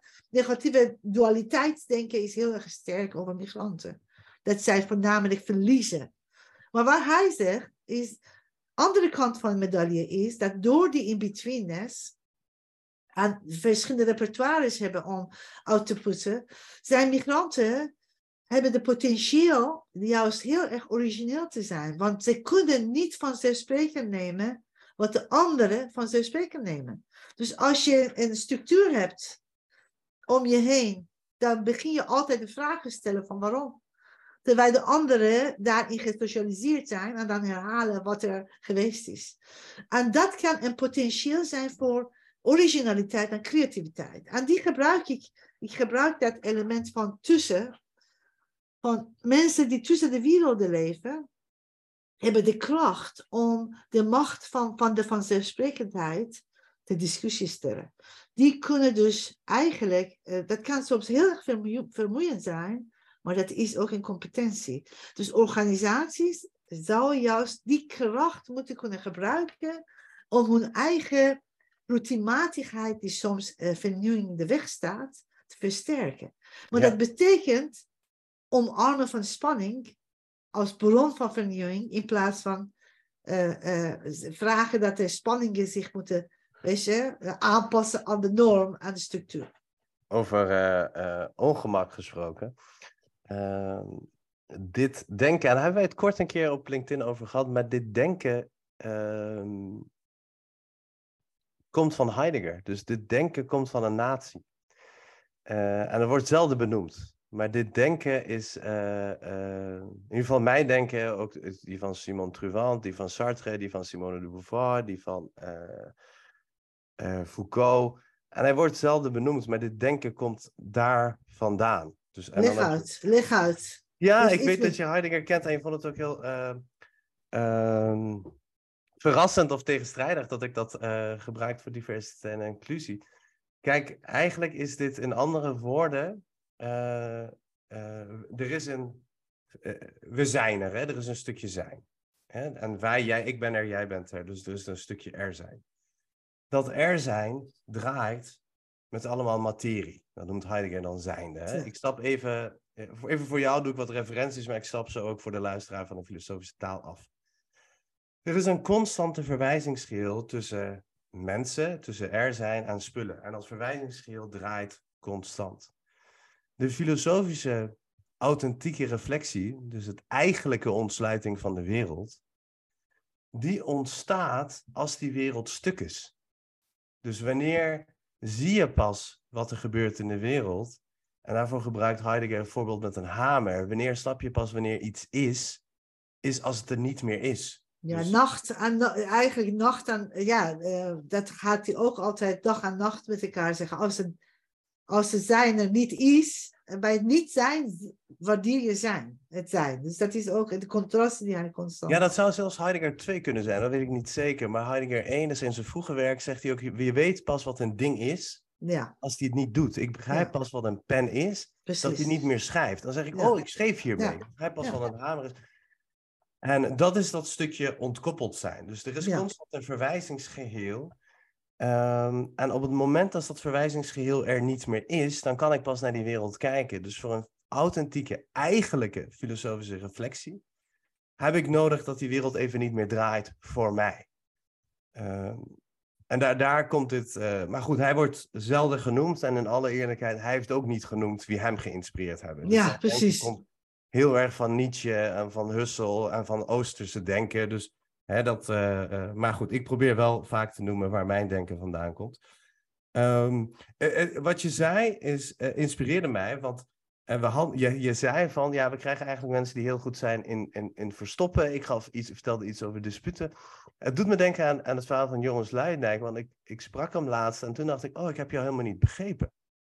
En ik vind het ergens een prachtig verhaal. Hij, hij, zegt, ehm, hij zegt helemaal niet, eh, die mensen met privileges, die moeten zich gaan schamen. En ik snap dat heel veel andere denkers dit ook gezegd hebben, maar dit is nu even iets wat in de samenleving aanslaat.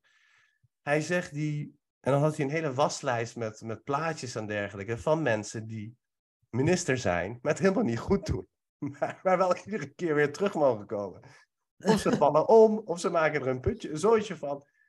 En, en inderdaad heel goed in verstoppen, maar ook wij, dus ik heb het nu even de wereld die die echo teruggeeft, accepteren dat ook makkelijker van. Ja, ja, Dus ze maken er een soortje van en ze staan er weer. Terwijl iemand die, ik neem jou even als voorbeeld, iemand die heel veel heeft moeten overkomen, die heeft, je begon met een narratieve methodologie. Hè? En ook als ik daar vervelend over ga doen, zeg ik ook, dit komt ook van Heidegger. En nogmaals, Heidegger heeft het ook van allerlei andere mensen geleend. Maar de, jij hebt dit doorleefd. Je bent erin doorweekt geweest. Dus als ik aan jou vertel van, hey, kun jij beleid maken op het gebied van inclusie en exclusie, is dit niet iets wat je opeens ter plekke gaat bedenken. Je hebt het doorleefd in je zijn. En ik heb dat fragment niet terug kunnen vinden, maar er is iemand eh, die zegt van, ehm, ik ga die, wat is het, 150 euro, 190 euro energiecompensatie. 189 dacht ik. Ja. Ja, er werd er aan haar gevraagd, wat ga je daarmee doen? En er was ergens in het gooi, ik, eh, ik kan me vergissen, hè, dus neem het even, dit is even de Holly- Hollywood variant, de details kloppen niet. En er was ergens in het gooi of zo, wat ga je daarmee doen? Ja, daar ga ik mee shoppen, hè? En terwijl Ja. er in Nijmegen in ieder geval allerlei initiatieven waren om dat eh, eh, aan armen te geven, een soort van Ja. uit te besteden. Ze zei, ik ga ermee shoppen. Lekker, gezellig. Prima. Toen vroegen ze aan haar, wat doe je voor werk? Ja, ik werk op het gebied van beleid van armoedebestrijding. ja, Je hebt het niet doorleefd. Ja. Die zeven vinkers, die hebben niet doorleefd wat armoede is. Die hebben Ja. niet doorleefd wat het is om een vrouw te zijn. Die hebben Ja. niet doorleefd. En die nemen we aan, omdat ze goed zijn in verstoppen. Ik sluit me even aan bij jouw eh, narratief. Ik, ik heb er zelf een andere bij, maar even voor het, voor het verhaallijn. Omdat ze goed zijn in verstoppen. En dan zijn we vervolgens geschokt dat we niet een aanspreekcultuur hebben. Precies. Nou, nog een voorbeeld aansluitend op wat je zegt. Eh over Luidijk kunnen we andere keer over hebben, maar ik kan, kan ik ook iets over zeggen. Maar Nee, doe eens. Ik ben gewoon persoonlijk benieuwd. Want Nee, maar even, even op armoede, dat is belang, vind ik belangrijk genoeg. Eh, ik gebruik een voorbeeld ook, wat ik in een van mijn masterclasses ben tegengekomen, in een van de gesprekken die ik had over inclusie, zei iemand, eh, een, een tweede generatie migrant die bij een, eh, bij een overheidsinstantie werkt, eh, die zegt van, ja, ik ben dus ik, ik ben sociale stijger. Hè? Mijn ouders hebben niet gestudeerd. Ja. Ik ben iemand die Ja. naar, de, naar de universiteit ben gegaan. En daarom ben ik een sociale stijger. Ben ik ook een beleidmaker. Wij zitten aan tafel over armoedebeleid te praten. Eh, de eerste wat de, de voorzitter zegt van de, van de sessie die we hebben.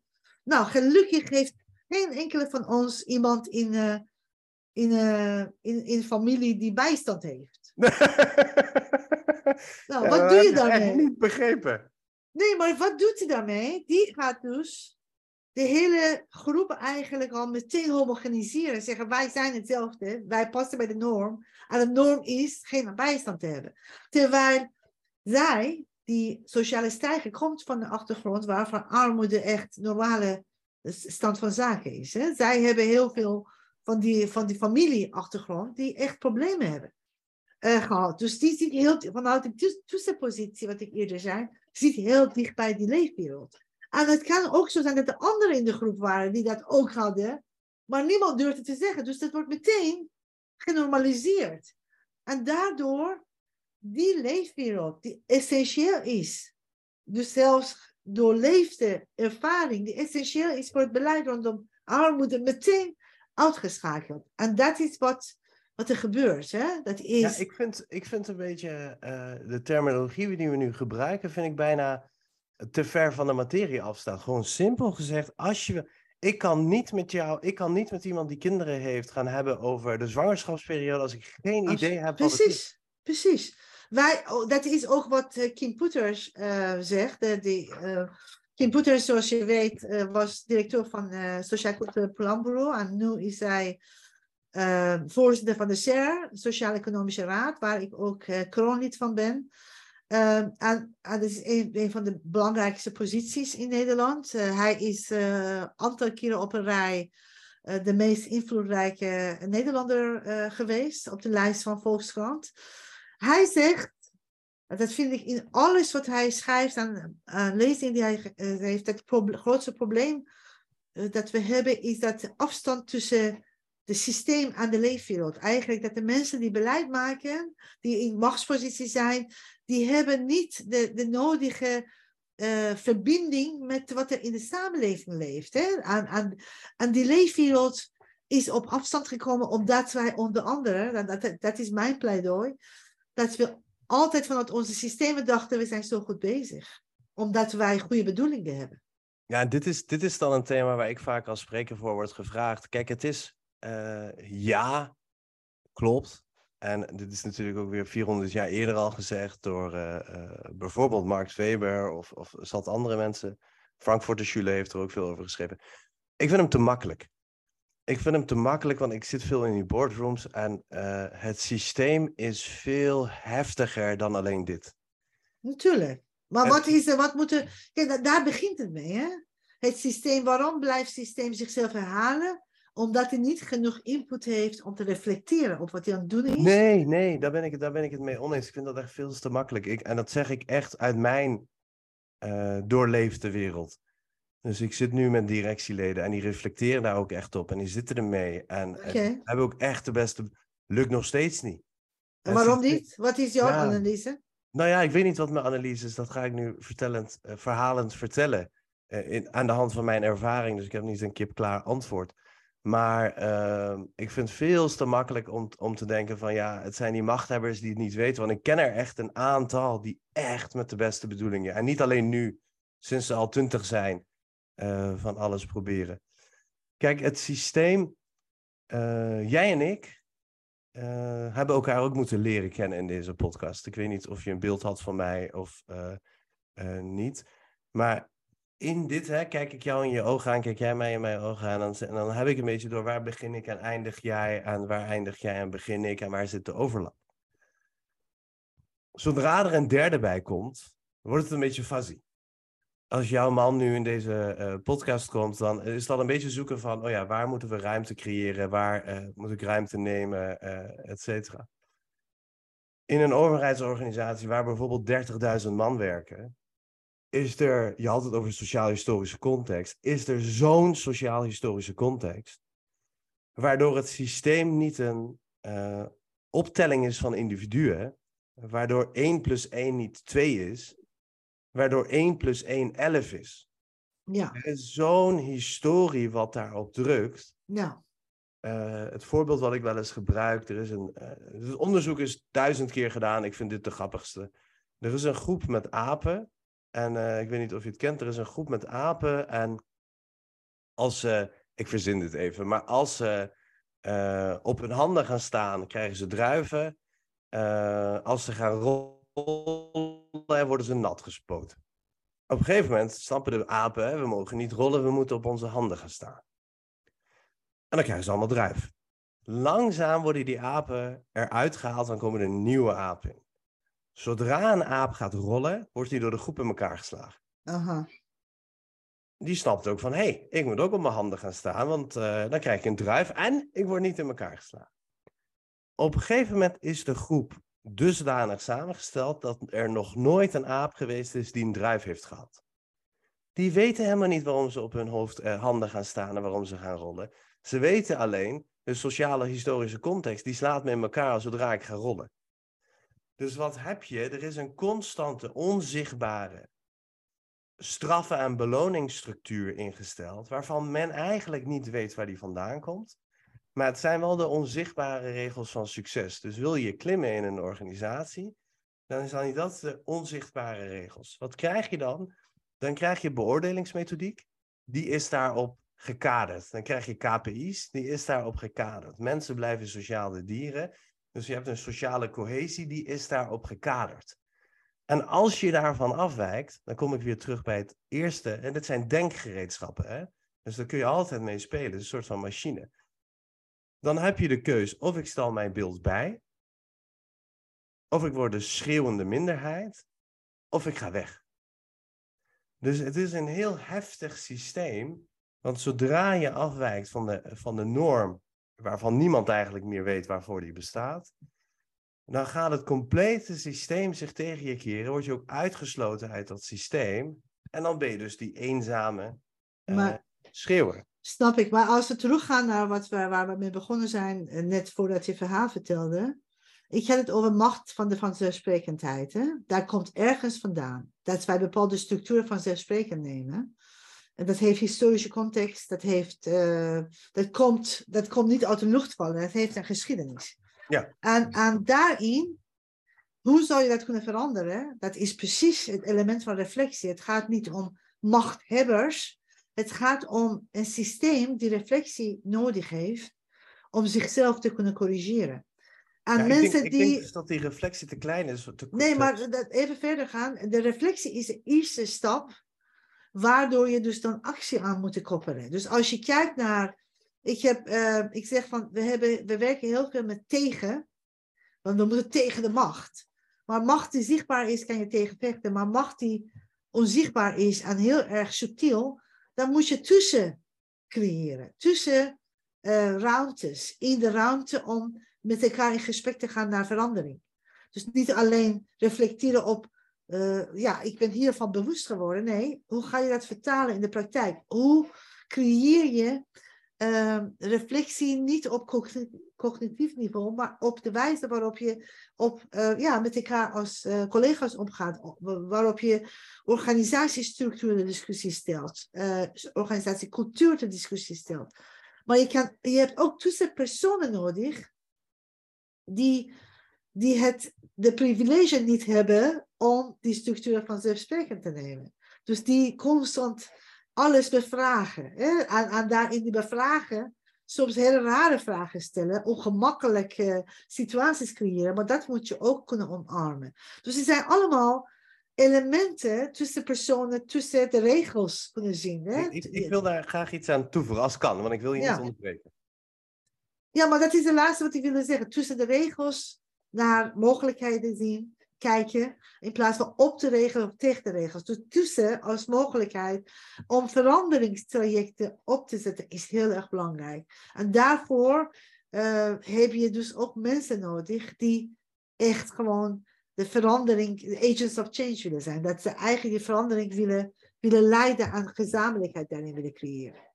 Ja, ja dat, is, dat is ook wat de literatuur van de afgelopen twintig jaar uh, zegt. Dus ik, ik, op dit thema, ik ben een denk ik intussen wel een stevige veranderkundige en ik merk het strand. Het strand gewoon. Dus als, als ik daar uh, terug ga naar de uh, denkgereedschap die we eerder hadden ontwikkeld. Hè, je kan die, die ontkoppeling, hè, dus die vragensteller, et cetera, die kan voor de authentieke reflectie zorgen. Ja.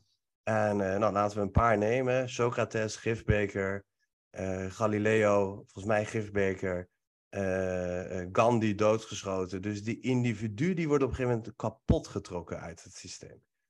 Maar er is ook iets tussen, en hoe goed die individu ook is, er is ook iets tussen uh, de individu en het systeem. Ja, zeker vrije ruimte. En Jos Kessels heeft daar veel over geschreven. Filosofen hebben het ook vaak over de vrije ruimte. Ja. Maar omdat de mens nou eenmaal een sociaal dier is, dan heb je een community building is denk ik, een, om het makkelijk te formuleren, iets waardoor die individu uit zijn isolatie haalt. En als een soort van, want een community heeft dezelfde eigenschappen als een systeem. En het is niet het podcast waarin ik de gast ben, dus ik hou het even uh, kort. Maar het systeem heeft een aantal eigenschappen, zoals 1 plus 1 is 11, waardoor die heel weerbarstig wordt. En een community kan als een soort van vaccin, ja. uh, een soort van afgezwakt systeem zijn, waar je in ieder geval de echo terugkrijgt. Van ik ben niet knettergek dat ik deze vragen stel. Ja. Andere mensen hebben deze vragen ook. Uh, Ja. um, en dat zou je dan in de termen van John Cotter een coalition of the willing kunnen noemen, hè, als we het over change agents hebben en die, en dat, uh, en die taalgebruik, en waar je ook mee begon van er is geen probleem of ik heb geen probleem, dat zou John Cotter dan sense of urgency noemen. Dus wat hij zegt is van, er moet een probleem zijn, we moeten hem doorleven. En vervolgens heb je uh, ja, ook een groep nodig die dat wil dragen. Want als individu word je uit elkaar getrokken. Gaan wij die kritische vragen stellen, dan ben je gewoon gekke Henkie. Want in een, in een Ja. boardroom gaat het gewoon hartstikke snel en weten mensen elkaar heel snel te vinden. En die hebben eigenlijk voor de vergadering al overlegd. Van zo gaan we het aftikken. En na de vergadering overleggen ze nog hoe vervelend jij was, Halle, met al je kritische vragen. En dan ben je zo uit het systeem gespeeld. Ja, nee, maar die community is heel erg, de community of practice is heel erg belangrijk. En dat is ook, daar wordt ook heel veel mee gedaan. Hè? Dat is ook iets, eh, eh, de communities, we noemen het eigenlijk eh, daring spaces. Dat je eigenlijk een soort verbindende, veilige ruimte hebt. Maar dan, Green zones worden ze ook wel eens genoemd. ja, maar dat is ook, die element van daring is heel belangrijk. Dat je eigenlijk verschillend mag zijn. Dus Ja, en de- ik denk die, die green zones vind ik vaak ook nog te makkelijk, want ik ken een grote bank die het deed. Ik denk dat die community ook in het klein en in het groot moet zijn. Dus dat je eigenlijk constant terug ja. moet horen, ik ben, dit is wat ik directeuren vaak, je bent niet gek. Ja, precies. Precies. Dat ze, want als ze die kritische blik hebben en zeggen van, ja, maar ik zeg, de vakbond blokkeert nu dat Ja. wij X of Y willen doen. En niemand is een beetje van, niemand is tegen moord. ja. Maar toch wordt dat geblokkeerd door al dat, eh, door dat eh, politieke spel wat er gespeeld wordt. Ja. En als iemand, als zo'n, en zo'n iemand heeft perfecte reflectie, zo'n iemand heeft echt, wil echt het goede doen. En uiteindelijk krijgt zo'n iemand een burn-out. Nee, maar je moet een supportsysteem hebben. Dus dat, dat Ja, community. je bent niet je- gek. Ja, en dat is precies eh, de link met de derde eh, groep die je noemde. Waarom gaat sommige mensen het lukken om eh, niet in die extreme eh, vormen te, te, te vallen? Dus jezelf ontkennen ook compleet. eh, ehm, ja, wat was dat? Eén was eigenlijk Eén jezelf. één eh, was, je, je stelt je zelfbeeld bij, hè? Dus Ja. mensen die. Een zwarte je man. wordt het. Ja, De zwarte man, die durft nooit met zijn oren dicht bij een oudere vrouw te komen. Ja. als die haar niet hoort. Want die wereld is er niet voor hem om zijn ruimte te nemen. Precies. Dan neemt hij hem ook niet. ja, precies. Dus mens Dus je gaat je aan de norm compleet aan. eh, en het beeld van de norm wat van jou heeft. Ja, dus niet aan de norm. Want als je aan de norm toepast, dan zijn zeg maar vrouwelijke leidinggevenden die, die mannelijk leiding geven. Ja, Ehm, nee, je, je past je eigen zelfbeeld toe aan wat de samenleving vindt dat jouw zelfbeeld is. Hè? Dus van een zwarte man, je bent agressief. ja. Ehm, of van iemand met een eh, beperking, je bent eigenlijk Ja. eh, Je bent gewoon niet, te- niet goed genoeg. Ja, ja. of je Aan de- gaat ja, er tegen vechten ja, eh, en dan ben je de schreeuwende minderheid. ja, precies. En ertussen zijn er mensen die toch niet hun zelfvertrouwen ver- verli- verliezen, maar toch proberen ook iets, eh, ja, zich ontwikkelen aan iets voor de samenleving te doen. Dus de kritische geluid blijven gebruiken om iets te- in beweging te Dus geloof niet alleen in, zichzelf, maar geloof ook in verandering.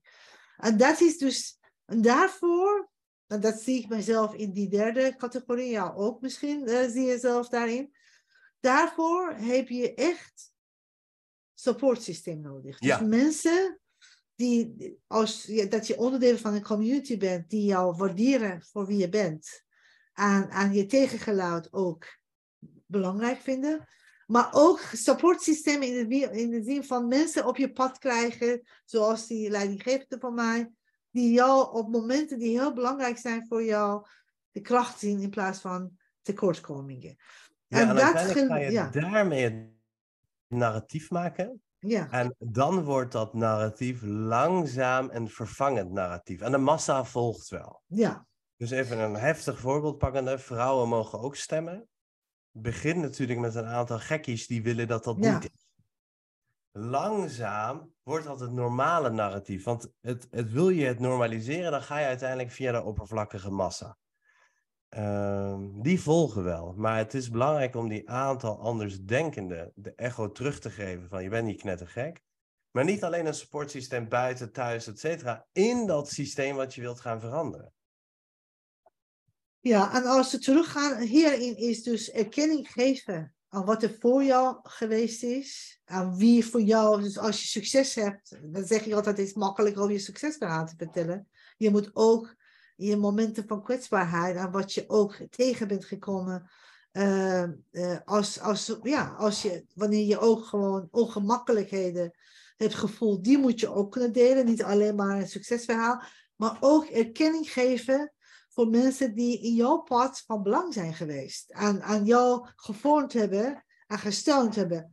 En daarin, dus al terugkomend bij eh, Joris Lauwendaak, dat daar wou je toch iets over horen. Nou, ik was Dat- benieuwd. Ik ja, was benieuwd. dat ik vind wat hij doet en hoe hij zichzelf kwetsbaar stelt in het boek en hoe hij ook eh, een punt maakt over privilege, heel sterk. Ehm, dus daar geef ik hem erkenning voor, dat, dat, dat het echt heel belangrijk is eh, dat een witte man eh, van privilege dat zegt en doet. Maar wat mij enigszins, eh, als ik een kritische geluid heb, is dat het eigenlijk dat hij niet erkenning geeft aan anderen die heel veel hierover geschreven en gesproken hebben. Dus vooral niet witte mannen. En daarin dus denk ik ook, jij moet ook daar in jouw verhaal, als je erkenning wil krijgen, moet je erkenning geven. Het is een reciprocal, eh, zeg maar, wederzijds. hij de literatuur, denk je? Of is het... Ja, als hij dat Eh, niet kent, dan is het mij. een probleem. Hè? Dat is al begint het probleem. Als hij dat niet kent. Ik hij heeft het ergens in een. ja. Dat, dat, dus je moet, als jij iets over een onderwerp eh, zegt, zou het goed zijn om, eh, om ook je te verdiepen aan mensen die al jarenlang mee bezig zijn geweest en voor gevochten hebben. Dus in die zin, daar heeft hij ook daarom van de, van de communities, van eh, heel veel aan, ja, heel veel gewoon reacties gekregen van, ja, wat, dit is een witte man weer dat alle aandacht krijgt. Het is ook eh, roep op erkenning. En daar zou je ook gevoelig voor moeten zijn. Ja, ik, ik wil daar toch even iets naast of, of tegenover zetten. Kijk, ik ben het volledig met je eens en dat is waarom ik zo lang gewacht heb tot jij op de podcast kon komen. Eh, ik noem je ook op alle plekken en sterker nog, bij een bepaalde organisaties mocht ik, en dat vond ik echt een helse taak, maar mocht ik bepalen wie dan goed waren. Dus ik heb vooral gezocht naar mensen die we niet konden vinden. Want het is in die wereld een survival of the shittest. Hoe slechter je bent, hoe meer je jezelf gaat promoten bij organisaties om gewoon binnen te komen en hoe meer je die opdrachtgever gaat pleasen. Maar kun je iets op de inhoud? Ja, weet je, dan, eh, dan ga je niet zo naar de pijpen dansen van eh, rare opdrachtgevers, maar probeer je in het klein kwaliteit te leveren. Dus ik ben het met je eens en daar do- doe ik al heel lang mijn best voor om mensen die hun leven gewijd hebben aan dit thema. En dat ben ik niet. Ik doe het eh 5%, 10% van mijn portefeuille. Is dit, ik ben meer gewoon cultuurveranderkundige eh, directieteams begeleiden. Dus ik ben niet een van die mensen die die credits hoort te krijgen. Want ik heb niet mijn hele leven gewijd aan dit thema. Ehm, maar de aanname die je maakt over je moet de literatuur kennen, is natuurlijk ook vanuit jouw perspectief als wetenschapper. Een, een antropoloog of zelfs een Anglo-Amerikaanse filosoof, afgezet tegen continentale filosofen. Een Anglo-Amerikaanse filosoof die begint gewoon te vertellen wat hij logisch vindt dat wijsheid is. Dat is gewoon een, een ander perspectief en een andere methodologie waarin zij zitten. Terwijl een continentale filosoof, die begint altijd bij degene die daar als eerste over heeft gesproken. Dat is ook een beetje de traditie waar jij meer uit voortkomt. Dus ik weet niet of hij de verplichting heeft om de literatuur te kennen. Ik ben het wel volledig met je eens dat. Ik weet niet of je dat zegt, en dat is in ieder geval iets wat ik zeg. En dit gesprek heb ik gisteren gehad, en ik heb je daarin ook genoemd. Waren, uh, is een groep leuke, snelle jongens, om het maar zo te zeggen. Die op een hele leuke, uh, en zijn oprecht ook leuke mensen en, en goede mensen, die op een hele leuke actieve manier uh, in organisaties werken. En die zeggen ook van ja, we zijn misschien geen wetenschappers, maar wij kunnen gewoon beweging maken. Zij hebben nu voor zoveel tonnen een opdracht gewonnen op diversiteit en inclusie. En dat vind ik echt niet oké. Want zij horen daar niet thuis, want zij, zij hebben dit thema niet doorleefd. En, en er zijn ook mensen die, eh, die echt jarenlang doorleefd met dit thema bezig zijn en die worden niet gevonden. Dus over dat stuk ben ik het met je eens. Maar, en hier heb ik lang mee gezeten om erachter te komen, wat vind ik nu zelf? Die mensen hebben wel een brugfunctie. Want de arbeidersbeweging is ook niet door de arbeiders op gang gezet. Ja. En als ik nu zie wat Joris aan het doen is, hij maakt wel die, nou in jouw termen dan, die witte vlekken zichtbaar. En dat is iets, hè, ik heb ergens meegeschreven aan een boek voor praktische filosofen. Als ik kijk naar mijn oefening, die is zo complex. Ja, klopt. Ja, en dan denk ik gelijk in. Ja. En dan denk ik, ja, hij heeft wel die brug. En dan kom ik bij een ander punt. Je had het over erkenning. Die heb ik trouwens ook toegevoegd aan, onze geheime ingrediënten voor de soep. Dus dat is ruimte, reflectie, tolerantie, ongemak en erkenning. Ik heb ook een andere toepassing van het woord erkenning. En ik ben meer continentaal, dus die komt van Simone de Beauvoir en Sartre. We moeten de wereld zoals die is en geweest is ook erkennen. En ergens is er een interview van mij in een algemeen dagblad. Ik weet werkelijk niet wat ik tegen een 80-jarige vrouw moet zeggen die negerzoen zegt. Ik kan haar wereld ook niet miskennen. Voor haar is negerzoen 80 jaar de normaalste zaak van de wereld geweest. Dus er is een facticiteit, heet dat dan, maar er is een historie, er is een oude wereld die we niet kunnen miskennen. En ik word zo moe van coaches, begeleiders, mensen die dan opeens verlicht zijn en zeggen van, alsof uh, hopes and dreams en, uh, en ook op het thema van diversiteit. Ik word daar zo moe van. Want, hopes and dreams? Ja, ze doen alsof de huidige wereld niet bestaat. Ze doen alsof je, en of het nou coaches zijn of adviseurs zijn, ze doen alsof je vrij staat om altijd te doen maar wat je wilt. En als je, alsof je, morgen ga je de wereld in alsof je die kan creëren. En wat ik daar tegenover zet is, ja, dat is er. Je bent oneindig vrij om te doen wat je wilt. Maar er is tegelijkertijd ook een knellende beperking van structuren, een knellende beperking van historie, een knellende beperking van een sociaal-historische context. En die heb je beide te erkennen. Waarbij de toekomstige kansen en mogelijkheden zwaarder wegen, want anders zou er nooit verandering komen. Maar laten we alsjeblieft niet doen alsof die beperkingen er niet zijn in dat systeem. Nee, maar dat is echt problematisch. Want het hele element van ongemak als een belangrijke ingrediënt voor, voor inclusie erkent dat, dat de feitelijke situaties niet een gegeven, verandering niet een gegeven is, een feitelijke situatie ook lastig is om te veranderen. En daarin. Uh, dus diversiteit als een soort ja, uh, halleluja-verhaal heb ik helemaal niks mee. Uh, want uiteindelijk zeg ik ook tegen jou, verandering, uh, alleen de creatieve element van diversiteit krijg je als je door die spanning heen gaat en niet de spanning wegpoetst of wegzet. Wat is die spanning? Die spanning is dat bepaalde mensen in bepaalde werelden hebben geleefd, wat voor hen normaal is, om dingen te doen die voor anderen pijnlijk is. Hoe ga je dat veranderen en zichtbaar maken? Door mensen met elkaar in verbinding brengen, door verhalen met elkaar in verbinding brengen, waardoor mensen vertellen waar bepaalde ideeën vandaan komen, aan de anderen ook vertellen wat die ideeën met hen doet. Dus juist door die werelden die ver van elkaar zijn, met elkaar te verbinden, dan kan je ook mogelijkheid creëren voor mensen te beseffen dat En gedachte is niet zomaar out of context is, maar heel erg context gegeven. En van daaruit ook bewust te maken van, als je vrij wilt denken, zou je eigenlijk ook veel meer je eigen keuzes moeten maken die niet per se door die context gedicteerd zijn. Ja, en ik voeg Nou- daaraan toe, en misschien voeg ik dat niet te stoer, zeg je dat wel? Ik zeg, dit geldt ook voor de wereld zoals die is. Dus dit Ja. geldt ook voor mensen die Ja. in Ter Apel aan het protesteren zijn, die eh, niet met Zwarte Piet eens zijn, die eh negerzoen zeggen, die niet de inclusieve taal. En dat wil niet zeggen dat ik daarmee samenval.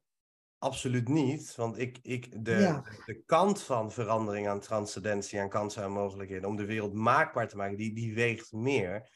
Maar die erkenning van die verhalen van de wereld zoals die is, of zoals die was, en die doet er ook toe. En dan speelt factor tijd hier nog een rol in, want hij is honderd jaar zo geweest.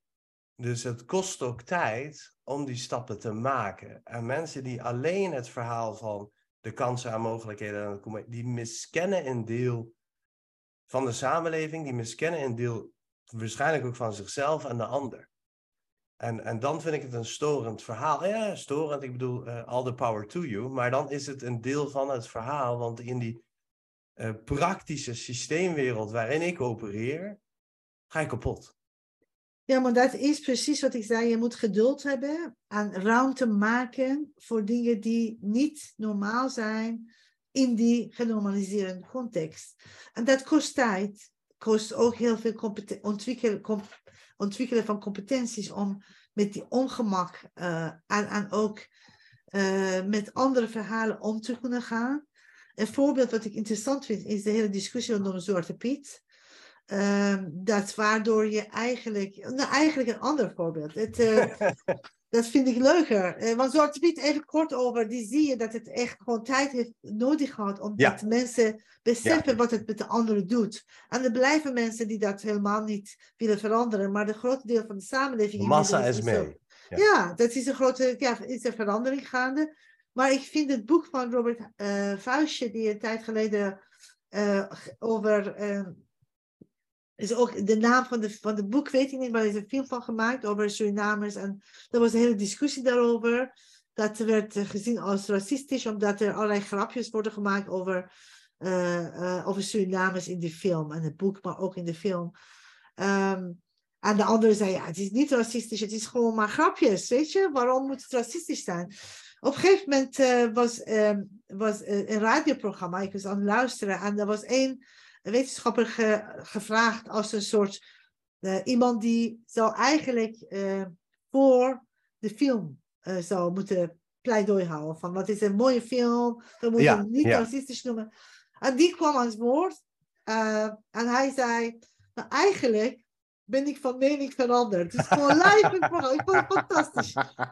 En de reden daarvoor is dat ik de film ga kijken met mijn vrouw. We zijn Ja. samen naar de bioscoop geweest. Mijn vrouw is Surinaams, eh, heeft Surinaamse achtergrond.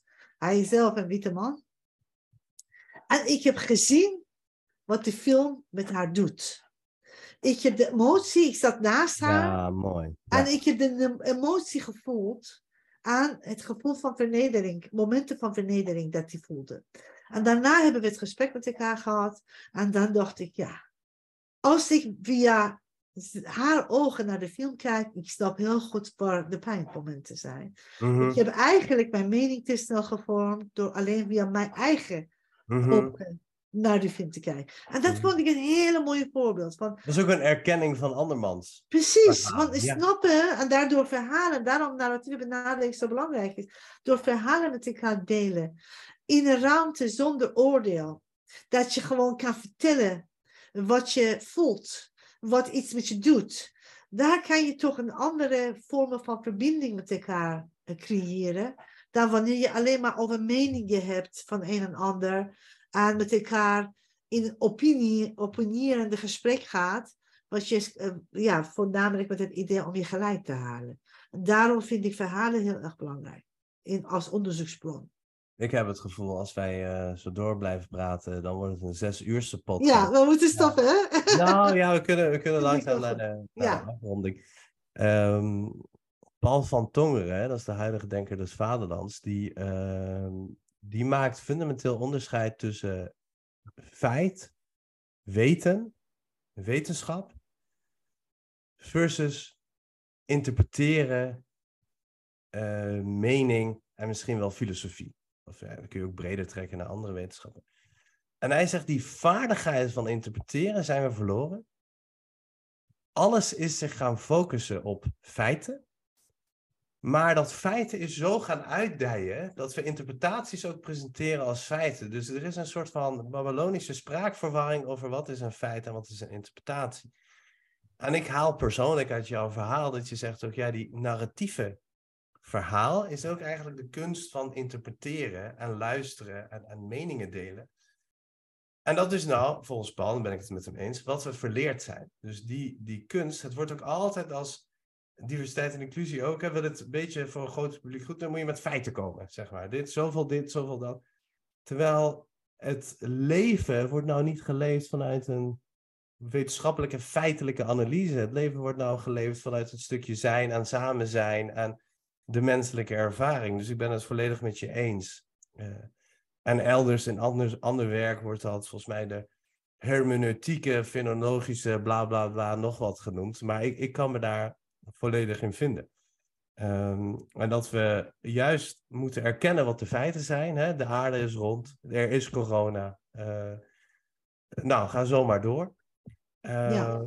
En tegelijkertijd doet dat iets met de mens. Zwarte mensen zijn niet minder dan witte mensen. Die hebben niet meer neiging tot agressie. En tegelijkertijd is er uh, in de interpretatie van de mensen, in de beleving van die wereld, in die betekenisgeving, is er van alles gaande. En die moeten we erkennen. Precies. Miskennen. En wanneer we dat erkennen, doen we die mensen ook minder geweld aan. Dus mijn analyse, en dat is een beetje een langer verhaal, is wij hebben de wappies gecreëerd door, ze, door niet te erkennen waar het systeem fundamenteel geweld aan doet. En ze hebben gelijk als het systeem wantrouwen. Ze hebben gelijk als ze zeggen dit klopt niet.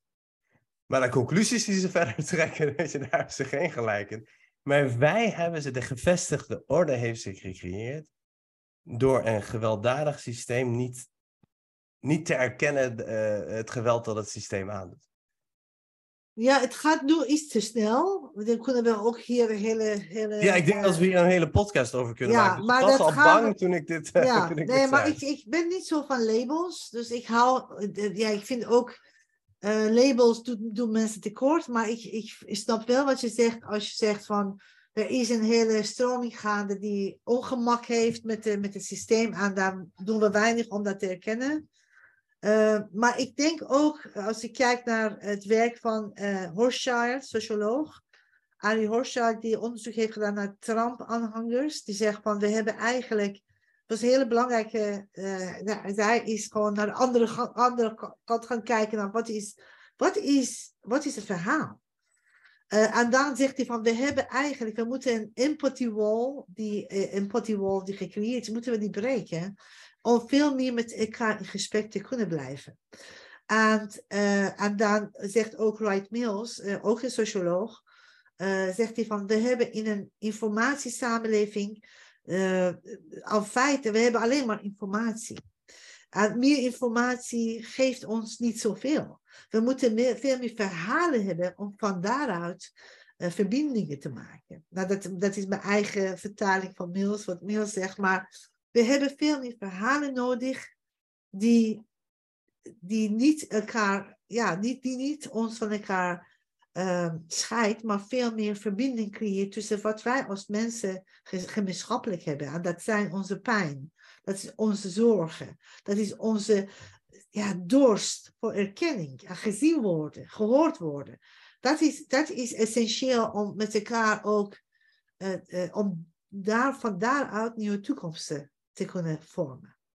Ik zal je uh, met alle liefde en plezier nog een keer terugvragen om, om dit soort thema's ook te bespreken. En um, kijk, ik, ik loop op een gegeven moment, als ik in die gedachtegangen meega, en dat heb ik lang gedaan, dan kom je op een gegeven moment op, op thema's die postmodernistisch lijken of daar, daar schuren en dan komt het relativisme.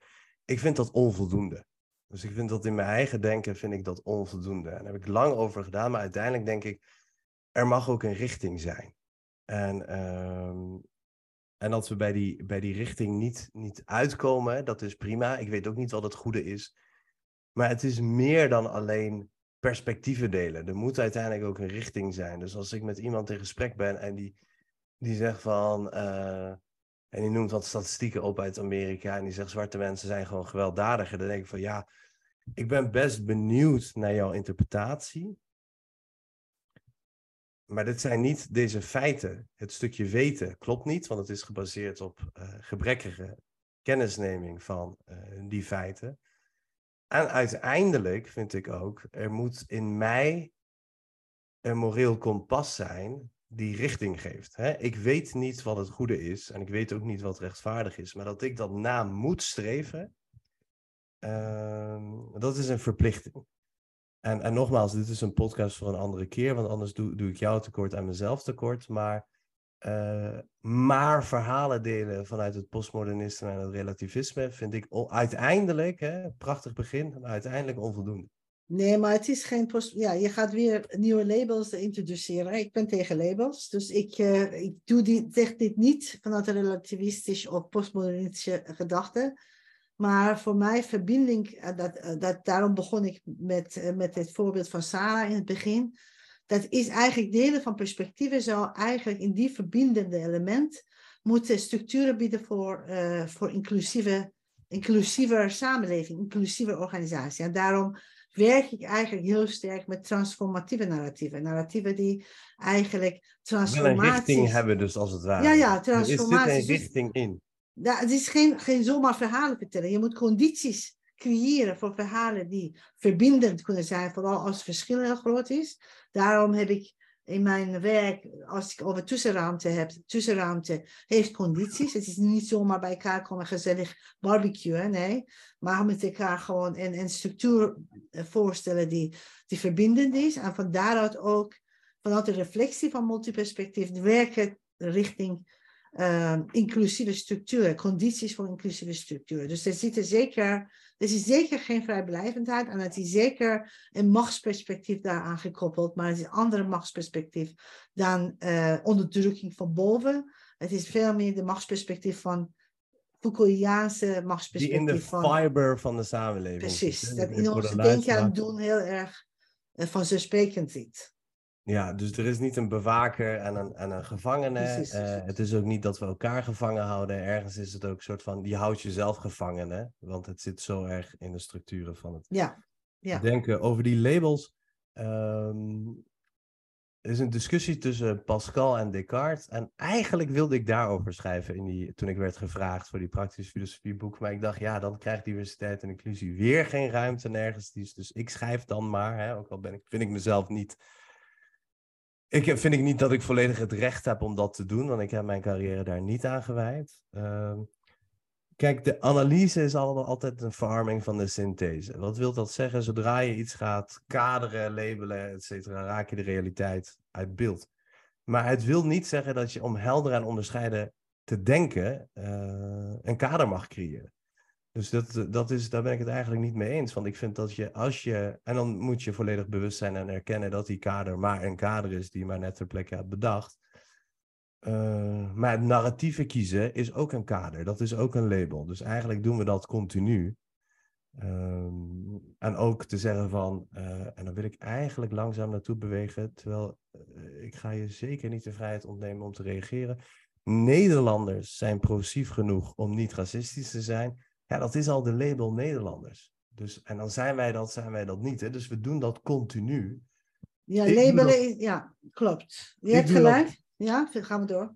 Ik doe dat bewust om. Uh, kijk, uiteindelijk, ja, dat moet ik dan misschien niet vertellen, want ik geef hier lezingen op. Dan maakt die lezingen minder spannend. Maar uiteindelijk, weet je, ben ik ook. Nou ja, nee, het ligt aan het probleem. Dus ik ben ook niet voor Pascal of Descartes. Het ligt aan het aard van het probleem. Maar ik vind de gedachte, ik ben geen fan van Descartes. Uh, nou, ik ben zeker fan van Descartes, maar ik ben geen fan van de invloed die Descartes heeft gehad op onze wetenschappen. En die is heel groot. Maar uiteindelijk heeft hij wel een punt met wil je helder en onderscheiden iets kunnen analyseren, dan heb je die kaders nodig. Dan heb je die labels nodig. Dan ga, je, dan ga ik terug naar mijn oratie van 2005, waarin uh, ik eigenlijk zeg, uh, je hebt categorieën nodig om de wereld te verkennen. Maar wanneer categorieën dichotomie worden, dan heb je die kaders, ben je, word je gevangen van die kaders. En Absoluut. net die labels die je noemde, die zijn dichotomieën. En daar vind ik vanaf. Als je het hmm. over postmodernisme hebt en als het over uh, woke en al die categorieën, die zijn gewoon zo dichotomie geworden dat wij met elkaar door die labels zo makkelijk te gebruiken, komen we niet uit. Het is niet meer dat wij dat gebruiken om de wereld te verkennen. We zijn gevangen geworden van die kaders. En dat is precies de onderscheid die ik wil maken tussen dichotomieën en, aan categorieën. Uh, daarom was, ik, uh, was dat mijn reactie. Maar als het over Nederlanders als categorie heb, ik heb het niet over als ik het over Nederlanders heb, heb ik het niet over individueel Nederlanders, maar over een, een Nederlandse discours. Waarin eigenlijk, het, het, het is meer dan individuen. Het is eigenlijk iets wat dan vanuit de geschiedenis komt. En daar zijn wij ook uh, onderdeel van, misschien maar niet helemaal. Want wij komen vanuit die in-betweenness anders die context binnen. En, en daardoor, ja. Je krijgt nu de ruimte, waar we het uh, als geheime ingrediënt hadden, om jouw onderscheid te maken tussen categorieën en labels. Um, net zoals ik graag de ruimte wil hebben, om, als we het hebben over die erkenning, om, om aan te geven van ja, ik, ik ben een beetje wereldvreemd, want ik heb niet echt tv, dus ik weet ook niet echt wat... Er, ik kijk heel veel Netflix, Disney+, HBO en allemaal domme dingen, maar ik heb eigenlijk geen idee dat dat labels zijn. Of dichotomieën zijn. Of dat jij daar, daar die interpretatie bij hebt. Dus ik vind ook dat als we uh, naar de ander kijken, dan is het ook inderdaad die vrijheid geven. Um, en ergens um, kies je ook, denk ik. En misschien kies je terwijl je weet van ja, ik weet ook niet hier wat het goede is. Maar ergens kies jij nu voor inclusieve taal. Um, ik, ik weet helemaal niet wat ik daarmee aan moet. Uh, en dan bedoel ik niet van, dit is een nette manier om te zeggen, ik doe dat niet. Helemaal niet. Ik weet het gewoon niet. Dus ik zit ook op sommige thema's die me nu uh, raken. Kijk, met, met Zwarte Piet. Ik heb een, een van mijn, ja, ik heb een vriend die uit Brazilië geadopteerd is. Maar die komt gewoon uit een Limburgs dorpje. Die heeft niks met Brazilië of buitenland te maken. Ik kom uit Iran. Ik was zes toen ik hierheen kwam en ben volledig nu geassimileerd uh, of geïntegreerd. Dat laat ik even aan de luisteraar over. Maar um, hij heeft vanaf november tot aan februari, en misschien is het tegenwoordig oktober, hè, die pepernoten komen vroeg in de schappen, is het voor hem een hel. Sinds die zes is, vijf is. Dan denk je, ja, houd toch eens op met dit feest dan dat is een beetje iets wat ik in, in mijn ervaring met hem. ik vond Zwarte Piet leuk. We hebben ook Baba Noël. Dus ik, ja, ik, ja, ja, ik dacht prima, leuk. De Baba Noël niet, Haji Firouz. Oh ja, Haji Firouz, sorry. Ja, Haji Firouz. Ja, die is ook zwart gesminkt. Ja, ja. Met, met rode lippen. En, uh, dus wij hebben ook zo'n traditie. Dus voor mij was dat helemaal niet gek. Dus ik dacht, oh ja, nu hebben we een, een, een, eh, een, een nieuwe Haji Firouz. En het, het zit ook in de richting waar het nu heen gaat, is denk ik ook, ja jongens, ruimte alle kanten op maken. Ik weet werkelijk, ik heb, ik heb in, bij, uh, dus niet uh, bij filosofische antropologie, uh, allerlei onderscheid te maken. Ik ben even vergeten wat het allemaal is, want je hebt filosofie van de antropologie en je hebt, nou, ik weet even niet meer wat ik heb gevolgd. ging over gender en seks, of ging over wat is nou een ziekte ja, als je daar echt in gaat verdiepen van wat is nou een ziekte, ja, ik weet het ook niet. En uiteindelijk kies ik iets, weet je, van al die theorieën die, die ik gezien heb. Dus ik vind ook die, die ruimte houden, ook over thema's van diversiteit en inclusie. Uh, van mensen die voorstander zijn van diversiteit en inclusie, vind ik ook een belangrijke uh, ingrediënt. Ja, zeker. Mag ik naar jouw heilig huisje terugbewegen? Want ik, ja, ja, doe maar. Uh, We gaan afronden, toch? Ja, ja. ja ik wil eigenlijk, ik, ik merk er zijn heel veel thema's die, die ik eigenlijk verder wil spreken. Maar ja, ik ben ook host, dus ik moet ook echt mijn rol pakken. En, en nou ja, kijk, we begonnen met Nederlanders zijn progressief genoeg om niet racistisch te zijn. En, en dit eigenlijk als, uh, als heilig huisje, van waar we tegenaan willen gaan trappen. Ehm, iets wat we niet besproken hebben, maar wat ik nog wel wil delen is, ik, ik, ik snap je heilig huisje volledig. En ergens denk ik ook, niet alleen dat, maar als je racisme in Nederland bespreekbaar maakt, word je ook aangevallen. Ja. En dus als ik kijk wie dat nu doen, en hoe heet ze nou? Nikki heeft dat boek geschreven, Dat mag je niet zeggen. Dus volgens mij, uh, die wordt iedere dag 17 keer met de dood bedreigd. En het zijn, het zijn... Dus ja, het, ik, over wat je vindt van je eigen huis, je moet je zelf zeggen, maar zelfs het bespreekbaar maken ervan roept zoveel geweld op. Ja. En ik heb geen Facebook meer, al heel lang niet meer, maar ik kan me herinneren dat ik een keer op Facebook zag. Nou, er was dan iets gepost, hè? En dan was de reactie. Uh, Zwarte Piet is niet racistisch. Jij kankeraap gaat terug naar Afrika. denk ik, ja, nu. nu. Wat is racisme dan? Wanneer is iets dan racistisch? Of dat mensen van. Ik weet niet meer of dit NPO was of zo. Die hadden uh, een, een, documentaire gemaakt over iets. Ja. Van ja, ik was geen witte, ik was geen zwarte mensen in de zorg, dat soort dingen. Ja. En als het dit is racistisch, hadden ze zoveel hate mail en berichten gebeld van dit mag je niet racistisch noemen. Dus uh, um, het, het, het niet benoemen ervan, dat triggert mij. Het niet mogen benoemen ervan. En zoveel geweld oproepen daarop. Ja. Uh, en die mensen worden gewoon, dat zijn die, dus die activisten, die worden gewoon, die, die moeten bijna hun leven daarvoor opofferen, willen ze het bespreekbaar kunnen maken. Maar goed, het is jouw heilig huisje, het woord is aan jou. Ja, maar het is ook, eh, er is ook iets veranderd. Hè? Dat vind ik wel heel interessant. Want um, ik heb meegemaakt en gehoord, um, de collega's van mij, collega-wetenschapper Philomena Estet, die in de jaren tachtig over alledaagse racisme had geschreven, een boek die werd gewoon, ja, door de wetenschappers. Ja, stil. Ja, ze mocht, ja, zij werd gewoon buitengesloten. Zij werd uh, heel erg tegengewerkt. Zij, zij heeft uh, als wetenschapper in Nederland niet echt de erkenning kunnen krijgen wat ze verdiende. In de VS wel. Is zij gewoon uh, hoogleraar geworden. Um, ja, later Gloria Wekker heeft over witte, uh, white innocence, of witte uh, onschuld geschreven, waardoor zij nu de jongeren voornamelijk om, omarmd wordt. Maar, maar heel veel wetenschap is nog steeds, uh, ik hoor ze zeggen van, nou, het is niet wetenschappelijk genoeg. Wat is dat dan? Weet je, dat is echt heel interessant, de weerstand zelfs in de wetenschap, aan kritische wetenschappers. Um, maar in de samenleving met de Black Lives Matter beweging zie je dat het iets veranderd is. Voor het eerst uh, werd het dus in twee jaar geleden begon het, uh, begonnen wij over racisme praten. Begonnen wij ook uh, ja, week of maand uh, tegen racisme organiseren. Werd ook in heel veel programma's over racisme gesproken.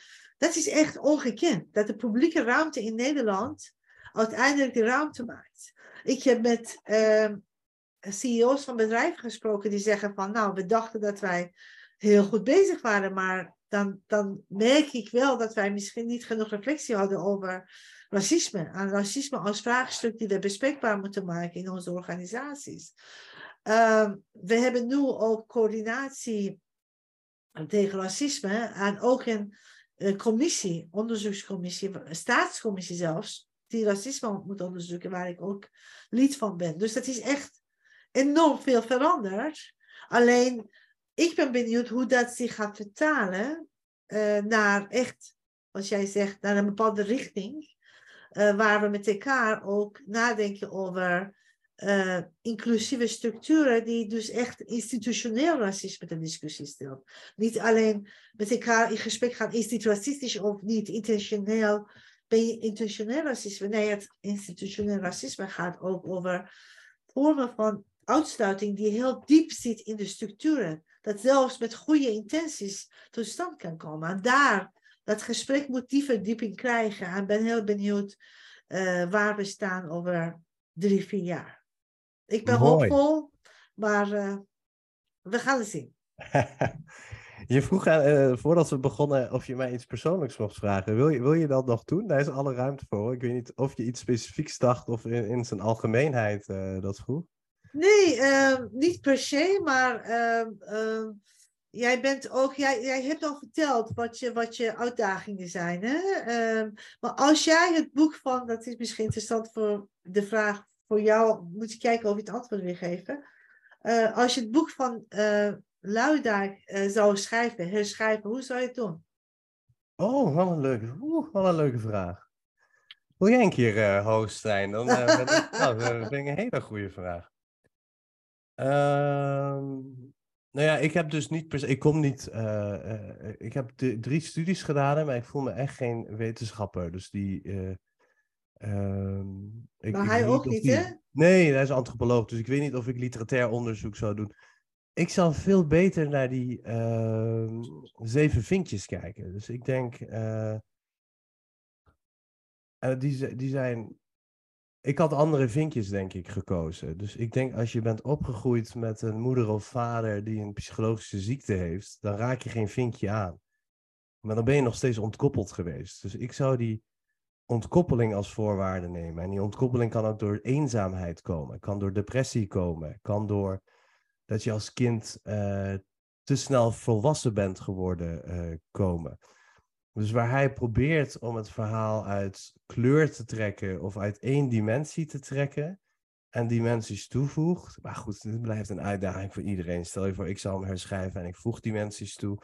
Dan komt er weer iemand anders en zegt dat zijn niet genoeg dimensies. Maar ik zou ik zal veel meer vanuit, eigenlijk ook wat ik in dit gesprek op een gegeven moment deed, vanuit uh, designprincipes kijken. Vanuit uh, een, een, een denkgereedschap die op alles van toepassing zou kunnen zijn. Hè? Dan denk ik die ontkoppeling, en dan gaat geen hond leeft mijn boek dan, maar goed. En die, uh, die ontkoppeling vind ik wel een, een, een mooie mechanisme van als de wereld voor jou draait, dan is die misschien ook voor jou gemaakt. En dat die voor jou gemaakt is, is gewoon een samenloop van toevallige omstandigheden.